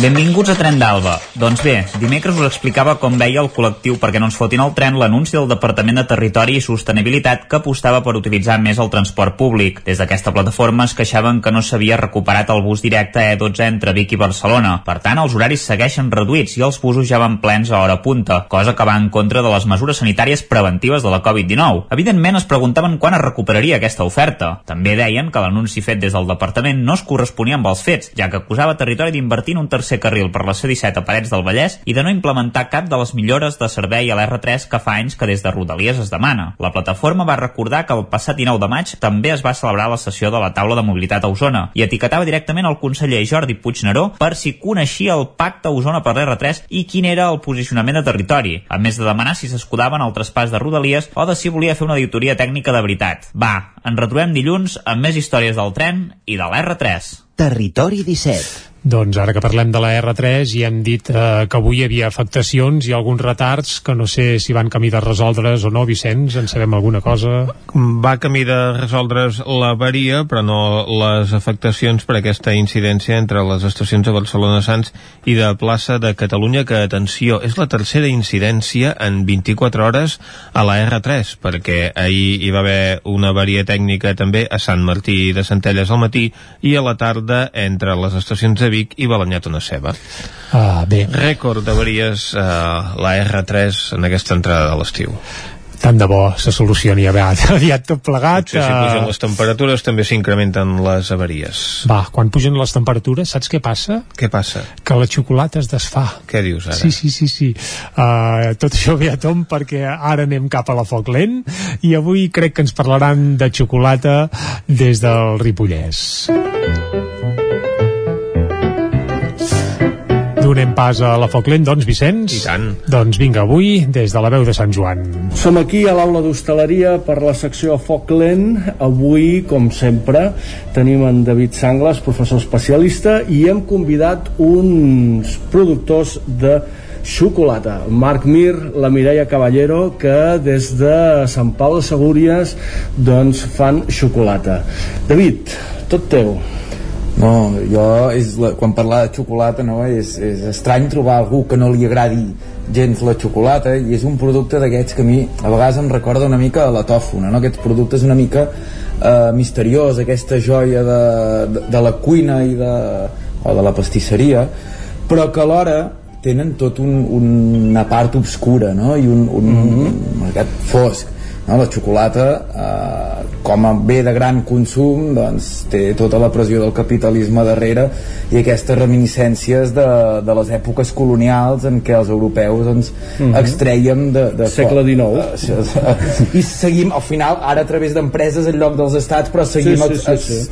eh, expropiant en els, en els pobres eh, pagesos i, i està molt bé que estan sortint molts projectes a Catalunya de, de, al voltant de la xocolata i, i també de donar una vida digna a les persones que cultiven el cacau en el seu origen i una mica mm -hmm. és la filosofia que ens explicaran ara en, en Marc i la, i la Mireia no? perquè Marc, com, com heu pres aquesta decisió? Tu vens del món de la, de, de la pastisseria? Uh -huh. el, bueno, el món de la fleca venim de, uh -huh. de casa de, que tenim el, el Fleca Mir de Sant Pau de Segúries uh -huh. que des de l'any 52 que estem oberts i jo vinc de Forners eh, em va agradar la pastisseria vaig començar a l'aula d'hostaleria d'aquí del Ripollès uh -huh. Ets un, ex, un exalumne? un exalumne, això molt mateix bé, molt bé i em va agradar molt, estava inquiet perquè només era molt poc temps al principi de, era un any uh -huh. i vaig decidir anar a Barcelona allà van ser 4 anys es va aprendre molt, molt més perquè es va poder indagar després eh, em va tocar una beca a Nova York al uh -huh. Culinary Institute of America uh -huh. i allà també va ser una bona formació Uh -huh. Després uh, hem guanyat bueno, uh, diversos premis de, de xocolata que s'han organitzat al Museu de la Xocolata a Barcelona uh -huh. i com que sempre m'agrada la xocolata doncs era una, una inquietud d'aquelles que dius ostres, i el procés, per què no es pot fer? després a l'escola, al Museu de la Xocolata també es va, es va començar a fer un, un projecte així. Mhm. allò que ja vols indagar dius, ostres, eh, no sé m'agradaria provar amb això. A part també, eh, com, com heu comentat el fet aquest de que eh, la xocolata és, és un món com molt especulatiu sembla molt la gran indústria es, es queda tot, totes les produccions després ho venen a, a la gent poden posar el preu que volen i el pobre productor doncs és el que en surt més mal parat com que nosaltres som artesans i ens agrada l'artesà doncs sempre volem mirar doncs, també de fer una cosa artesana i, i d'o- d'origen o, o del que pugui ser de, Mhm. millor, de la millor ètica possible i valorar l'origi- l'origen Sí, eh, del producte això. i per tant també el productor Clar, intentar, doncs, sí, a la mesura de més de lo possible, que ja, ja, ara ja es comença a fer això, és comprar amb- justament amb el productor, encara inclús que ho paguis una mica més, Mhm. però saps ben bé de l'origen, del productor, que, ho- que ho, ho pot importar, el que sigui, Mhm. i després tu ho, ho compres per ben bé ell, no amb una gran fàbrica ni res, sinó Mhm. compres la grana amb, un productor, que això és la gràcia, com el que pot fer un, un pagès, doncs, comprar Mhm. la grana i després plantar al seu camp doncs no sé, Sí, aquí sí, es sí. basa Mhm. això, el que passa que clar no es pot conrear aquí perquè Plantar, és plantar impossible. cacau a Sant Pau això és és- impossible és que és, inclús s'han fet estudis s'ha provat i uh, només neix a l'Equador i bueno, en condicions molt especials la línia equatorial i ja està Sí, sí, sí. De fet, aquests són els principis del comerç just, però no des del consumidor, sinó en aquest cas des d'un artesà productor de xocolata. An- anem al producte, no? Perquè vosaltres compreu aquestes faves ja, ja seques i fermentades, perquè això s'ha de fer en, en origen, i, i a partir d'aquí, què feu? Uh, això ens arriben les faves uh, només són fermentades i això, com bé dius i seques a, a la que ens arriben les hem de triar, les hem de seleccionar perquè hi ha molts calibres. I clar, mm, com que lògicament s'han de torrar una mm, es podria cremar i l'altra podria estar ben cuita i l'altra crua. Mm, torrar s'han de torrar sí o sí. Hi ha gent que uh, uh, inclús a, a nivell casero per dir alguna d'alguna manera ho fan amb, amb, sempre quan tenien algunes màquines expresses artesanes per fer això ho fan Aquí hi ha la mà, de, res. la mà del mestre xocolater, Sí. no? Entenc, amb, el- però amb, s'ha de vigilar molt el torrat, amb el torrat. perquè clar, si el producte arriba de, de fora eh, s'ha assecat doncs pot tenir salmonel·losis i això s'ha de tenir molt, molt de compte perquè clar, mm, pots fer una intoxicació s'ha de torrar sí o sí a nivell de si has de producció per vendre i després aquí hi ha, com bé comenteu el, el, el torrat, que és el més important de la xocolata quasi bé, que primer se selecciona un cop seleccionada per calibres es torra i torra pot haver to- torrat mig, baix i, i alt. I tot Mhm. depèn de temperatures. Això ja és a- al gust de cada un.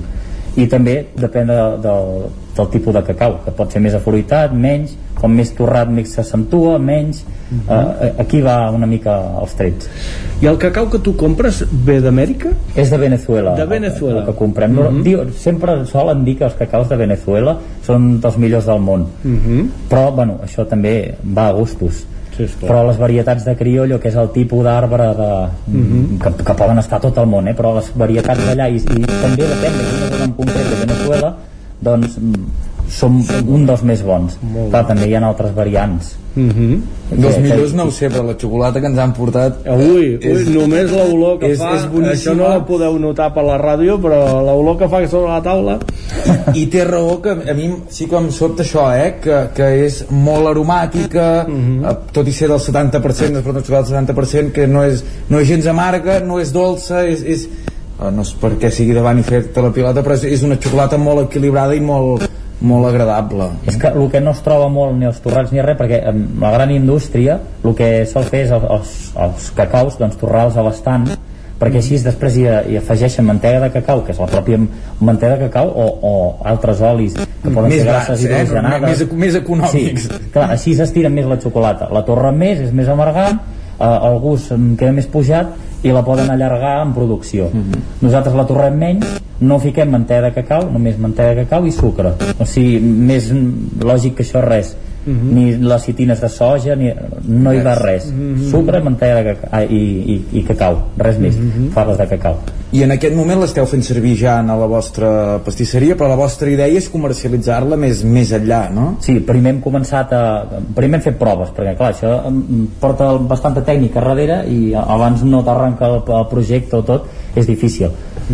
Ho hem començat a fer, ha anat sortint bé i ara com que ja és un producte que està bastant, bastant polit ja es comença a, a utilitzar doncs, amb trufes que fem amb pastissos, amb musos, el que sigui.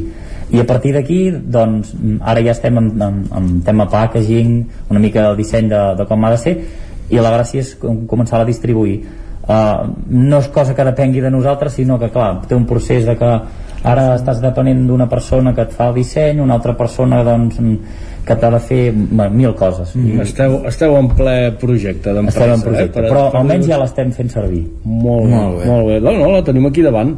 Escolta, jo pensava també, la xocolata a muntanya, bueno, i en la cuina catalana en general, doncs és un ingredient eh, important, no només allò que hem comentat, no?, del, del, del, del pa amb oli i xocolata, que això es feia molt aquí als pobles, però és un ingredient important. És, és un producte que, que, es, que es produeix a una zona con, molt concreta del món però que a, en canvi totes les cultures l'han agafat i l'han introduït fins i tot a la cuina de muntanya eh, doncs a les picades no? amb, aquests, amb aquests cibets o amb, aquest, amb aquest conill a la xocolata no? sobretot a, a, a les picades l'hem l'hem integrat molt bé perquè és un greix que ens, ens, ens lliga bé a les salses ens afina les salses i conxos, que la xocolata és bona per esmorzar, per dinar, per berenar i és, és d'aquells productes Que quadra moltes coses, que, la que, xocolata. que quan és bona eh, s'agraeix I, i això, eh, jo crec que és eh, d'agrair que sortin projectes com com ells, eh, a Olot també hi ha en Lluís de la pastisseria Cacau, hi ha, hi ha més gent,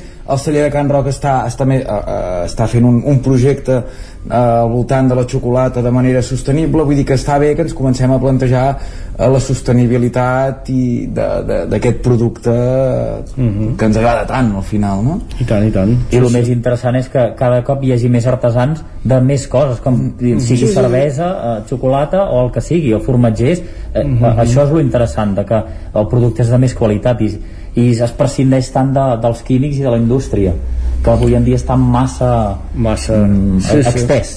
Sí, sí, sí. No, no, doncs, moltes gràcies per venir-nos a explicar el vostre projecte Gràcies a aquí a vosaltres. l'aula d'hostaleria. Uh, de fet el curs s'acaba i ha sigut una bona manera de- d'acabar-lo. I segur que els tindrem el curs que ve quan ja tinguem el projecte engegat perquè ens ho tornin a explicar. Ah, que sí, perquè ja us heu posat d'acord per anar-hi pels sí, alumnes. amb els alumnes eh? hi anirem, hi anirem i tant que això s'ha de, ho han de conèixer els alumnes. Les portes obertes i tant. Molt bé, doncs moltíssimes gràcies Marc, Mireia, David i bon estiu a tothom. Igualment, bon estiu Territori 17. Doncs els companys de l'aula d'hostaleria del Ripollès que ja s'acomiaden gairebé desitjant-nos bon estiu, eh? Clar que sí. Però cal dir, Vicenç, que nosaltres encara estarem aquí al peu del canó fins ben passat Sant Joan, territori 17, eh, fins al 25 de juny estarem Ens queden a, 15 dies. al peu del canó, i tant que sí. Sí, senyor. 15, dies, que tenim per provar la xocolata de Sant Pau de Segúries. Exacte, estaria bé, estaria bé. I més ara que s'hi pot anar a Sant Pau, aprofitem, aprofitem-ho. Uh, de tota manera, podem anar a altres racons aquest cap de setmana perquè hi ha força activitat i la repassarem a la part final del territori 17 d'avui, que l'encapçalarem, com sempre, quan són ja tres quarts de 12 del matí, doncs amb l'agenda. I aquest repàs a l'agenda del cap de setmana, Vicenç, l'arrencarem anant cap on? Cap a Ràdio Cardedeu, allà ens espera l'Òscar Muñoz. Òscar, bon dia. Bon dia. Tenim activitats aquest cap de setmana. Tenim, tenim, podem fer, podem fer algunes cosetes, sí. Doncs posem-nos a Cardedeu triar. aquest, sí, aquí a Cardedeu com aquest, com a cada cap de setmana podem, doncs això, podem fer un tomb pel mercat de pagès amb productes quilòmetres zero de la zona a la carretera de Cànoves, sí, aquest mercat ja reconegut aquí a Cardedeu, on eh, s'omple aquesta carretera els dissabtes al matí. Uh -huh. I el diumenge, doncs, també com a no va tot així, tenim la Fira d'Antiguitats i de Brocanters. Això serà de dos quarts de nou fins les 3 del migdia i això, i estarà ubicat al Parc Pompeu Fabra on s'hi podrà anar a fer una volteta, comprar antiguitats que sempre eh, queden bé decoració. Oh, i tant. I a Granollers, doncs, avui mateix doncs, podrem anar a fer un tomb pel Mercat d'Artesans, que ha començat a les 9 i serà tot el dia a la plaça de la Corona. Això són els, les fires de divendres i acabem a Granollers amb les dues de dissabte amb el mercat setmanal dels dissabtes amb els pagesos i productors ecològics del territori a la plaça de la Corona, també comença a les 9 i serà fins les 3, i al mercat de Brocanters, durant tot el dia, a la plaça Josep Maluquer i Salvador. Mm -hmm. Aquest seria una miqueta eh, les fires i mercats que hi han per aquesta zona del Vallès. D'acord, doncs moltes gràcies, Òscar. A vosaltres. Ara anem nosaltres cap a una codinenca amb la Caral Campàs. Caral, bon dia. No sé si la Caral Campàs ens està escoltant des de Hola. la Codinenca per fer Ara aquest sí, ara sí. repàs en aquesta Hola, zona del nord del Vallès Oriental i, I tant, del i tant. Moianès. Caralt, bon dia. Bon dia, doncs mireu, els plats forts d'aquest cap de setmana tenen a veure amb l'agenda cultural, hi ha el microfestival El Ganxo, aquí a Sant Feliu de Codines diumenge, i la mostra d'arts gràfiques Murmurs a Monistrol de Calders, eh, també dissabte i diumenge, i pel que fa a l'agenda d'oci, doncs és més reduïda, però alguna cosa tenim. Uh, mireu, uh, tenim aquest divendres a les 6 de la tarda una xerrada a la Biblioteca Municipal de Caldes sobre el llibre La maternitat d'Elna, a càrrec d'Assumpta Montellà. Uh, aquesta xerrada i, i aquest llibre doncs, han inspirat, recordem, uh, el bateig d'un mirador de Caldes amb el nom d'Elisabeth Eidenbenz. Um, bé, això ho vam comentar en un dels butlletins però el llibre d'Assumpta Montellà um, doncs, i, i la seva xerrada serà aquest divendres a les 6 de la tarda a la biblioteca. Llavors també a Caldes eh, dissabte hi ha la inauguració de l'exposició 100 números 100 portades de la revista Calderina la Tortuga eh, l'acollirà a la sala del G fins al dia 27 eh, de juny. I acabo aquest repàs de, de l'agenda d'oci amb una activitat al Moianès que jo crec que agradarà molt al Jordi Sunyer A veure, doncs. Aviam, aviam. Eh, Ara Dóna-li pla. feina, dóna-li feina per aquest cap de setmana. Caral, Mira, hi ha dispara. hi ha una sortida per la identificació i recol·lecció de plantes per la ratafia Oh! Bé. doncs segur que li interessa. Sí, m'interessa, però ja la meitat de les que fan falta ja les tinc recollides, eh? Cal dir que, bé, que fins per Sant Joan eh, anem fent i ja en tinc un bon, un bon manat, uns quants manats, vaja. Bé. Ets Però sí, sí, m'ho apunto, m'ho apunto. Molt bé, doncs aquesta sortida per la identificació i recol·lecció de plantes, com deia, per la ratafia, serà aquest diumenge a 13 de juny, serà a Monistrol de, de Calders i, com bé por, diu el nom de l'activitat, és una activitat do, doncs, amb la finalitat de conèixer i recollir les plantes per fer doncs, això, a un taller de ratafia que es farà durant l'estiu a, a aquesta població. Aquest, a, en aquesta sortida va a càrrec de Jordi Igual i Montse Camproví i se sortirà des de dos quarts de deu a l'Avinguda Pere Tarrés. Cal dir, però, que en Jordi Sunyer no se'l va veure per la fira de la ratafia que es feia a Centelles el passat cap de setmana. Però ja et vaig comentar el motiu, eh? És a dir, no em presento als concursos de ratafia perquè, clar, has de portar-hi ratafia i... El secret de la teva fórmula no, és- no és de domini públic.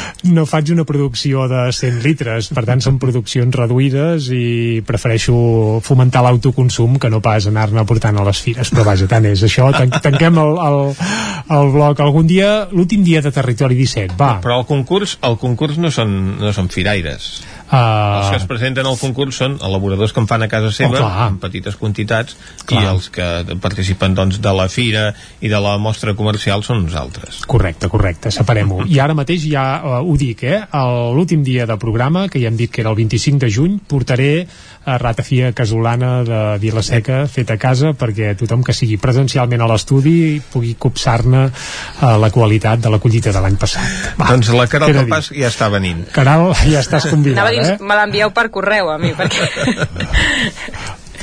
Pots venir, pots venir presencialment i ho fem des dels estudis de- d'aquí el nou, l'últim dia, no, Caral? Què et sembla? Potser sí. Que no, sí, que no sigui que tinguem un convidat del Moianès als estudis aquell dia. Ah, Caral. possiblement. Apunta tu. Apunta tu. Perfecte. Molt bé, m'ho apunto. Anem ara cap a la veu de Sant Joan, anem a parlar amb l'Isaac Muntades. Isaac, què es prepara al Ripollès?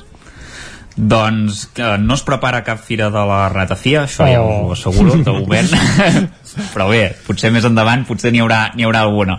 Mireu, eh, hi ha bastantes activitats. Comencem, si us sembla bé, per Can de Bànol, perquè cap de, cap de setmana torna la festa major infantil, les jornades esportives, el divendres de 5 a 8 eh, per començar hi haurà les votacions per escollir la Pobilleta i l'Arauet i a les 9 una caminada nocturna organitzada per l'Associació de Famílies que s'anirà doncs, a, a la Font del Carol Uh, i dissabte ja hi haurà les dotzenes jornades esportives de 10 del matí a 1 del migdia que com sabeu cada any uh, es recorda, es fa un homenatge doncs, a una persona, en aquest cas serà un homenatge pòstum a Josep Noguera que havia estat jugador, entrenador i president del club bàsquet Can de Bànol. Mm -hmm. i de 10 a 2 doncs, hi haurà les activitats esportives que ens concentraran doncs, al barri de l'estació, la pista coberta i al carrer 11 de setembre i adjacents.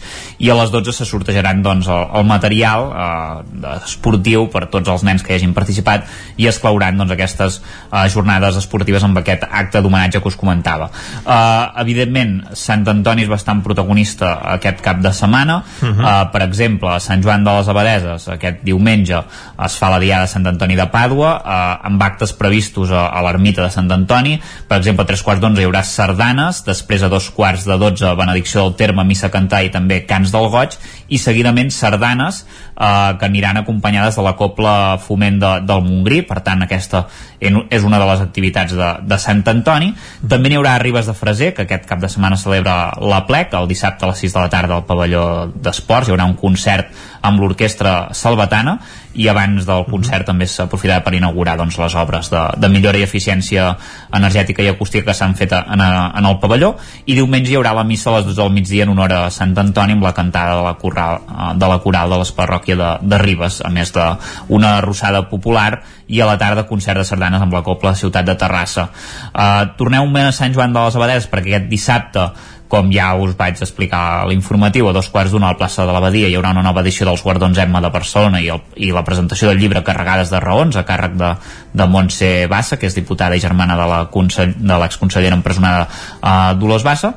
I després també dir-vos que aquest cap de setmana eh, hi ha trobada eh, sardanista, concretament la 31a trobada sardanista comarcal aquest diumenge i actuaran les Coples Sol de Banyuls eh, i Bellpuig, que en aquest cas eh, es va traslladant al llarg de la comarca i se celebra a la plaça Abat Oliva de Ripoll, per tant doncs tenim també eh, aquesta activitat i dues coses per acabar molt ràpides. Aquest diumenge a Planoles hi haurà la festa de la Caritat amb una missa a l'església de Sant Pere de Planoles a les 10 del matí. Mitja hora després també hi haurà la benedicció del terme al Puig i a les 12 les sardanes amb la copla principal uh, d'Olot. Uh, per acabar, recordar-vos que la rebella de Sant Joan ja queda cada cop menys i a Sant Joan de les Abadeses ja s'han obert les inscripcions doncs, per apuntar-s'hi perquè aquest any doncs, ja us explicaré més endavant però t'hi has d'apuntar prèviament i ja s'han obert a partir de ja des d'avui. Molt bé, doncs eh, moltes gràcies Isaac, ara nosaltres tenim aquí en Miquel R per parlar de l'actualitat a la comarca d'Osona, Miquel. Molt bones, no aniré tan enllà, encara no parlarem de rebelles, tindrem temps de ni parlar de, de rebelles, ni de Sant Miquel dels Sants, que també s'acosta. Parlarem de dues fires que coincideixen aquest cap de setmana. Una és nova, per tant, nova aposta, uh Mhm. -huh. una fira que estrena Sant Hipòlit de Voltregà, eh, que, és, eh, que es titula Fira de Dones Artesanes. Doncs és això, eh, és voluntat una mica de visibilitzar, de posar en valor la feina de, de, de, de l'artesania, però en femení, de, dels molts projectes, perquè serà molt transversal, hi ha gent de totes les edats, de totes les especialitats. Això serà diumenge, en, en format que funciona tant matí com, ta, com la tarda, diguéssim que les 55 artesanes que s'han sumat a aquesta primera proposta eh, tindran la seva parada al llarg de, de l'avinguda Josep Tarradellas i funcionarà això, de les 10 del matí a les 2 del migdia i de 4 a 8 de la tarda una manera de, com deia visibilitzar eh, el treball específic de les, de les dones artesanes això serà diumenge i el mateix diumenge, en aquest cas només al matí, torna un clàssic a Vic, que és el Vic Slot Clàssic, eh, aquesta fira dedicada al món de l'escalèctrica, eh, al món de l'eslot, aquests cotxes en miniatura. Eh, recordem, en aquest cas l'any passat eh, no es va poder celebrar pel tema de la pandèmia, es va intentar ajornar, finalment es va deixar, es va saltar per aquest any, diguéssim, eh, es viurà la 14a edició i el, sí que el canvi significatiu seria el d'ubicació, estem acostumats a veure sempre a la plaça Major, mm, sota les voltes habitualment, eh, en aquest cas, i sort que em sembla que el temps acompanyarà, es farà aquí al Parc Balmes, que s'està convertint ja en un pulmó firal de la ciutat, Sí, perquè senyor. portem ja des de el Mercat del Ram, i ara hi ha hagut eh, la setmana passada el Baica, eh, s'hi va celebrar el Lactium, eh, per tant, molta activitat, i la setmana que ve en parlarem d'un altre, que és el, el Vic Activate, per tant... Aquí es pot controlar l'aforament. Correcte, eh, i l'espai també és una mica, s'ha retrobat una mica aquest espai amb, amb el tancament també dels cotxes, per tant que queda, queda un, un espai molt, molt amable. Hi ha ombra, a més a més. Hi ha ombra, per tant hi ha una mica tots els ingredients. Aquest any no ha molestat gaire aquell borró que fa l'arbram no. d'Alba, que era el gran problema a la primavera, per tant tot solucionat. Recordem que a part d'haver-hi això, eh, una quarantena de parades d'aquestes d'escalèxtric pels bojos d'aquest món, hi haurà també, sempre es fa coincidir amb aquesta trobada de vehicles clàssics, eh, que, que està, està prevista més o menys una setantena de vehicles clàssics, eh, els consideren amb més de 25 anys d'antiguitat, per tant, aquests que no poden entrar a Barcelona, per exemple. Poden venir a Vic, per això, eh? Exacte, també una exposició, com és habitual també se sorteja un d'aquest, o, el cotxe de, de la Fira d'aquest any, ja dic, camí del 15è aniversari, Fira Vic, Eslot Clàssic, aquest diumenge al Parc Balmes. Molt bé, Miquel, doncs moltes gràcies per aquest recull de les activitats que podem gaudir aquest cap de setmana. És hora de posar punt i final al territori 17 d'aquest divendres.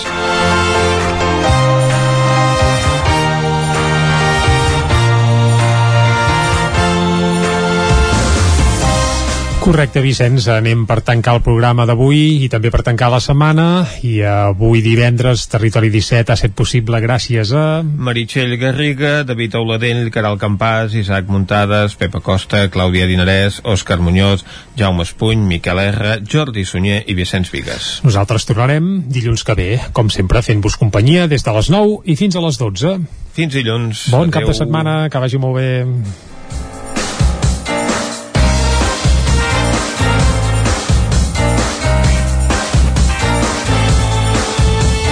Territori 17, un magazín del nou FM. La veu de Sant Joan, Ona Codinenca i Ràdio Cardedeu amb el suport de la xarxa. El nou FM.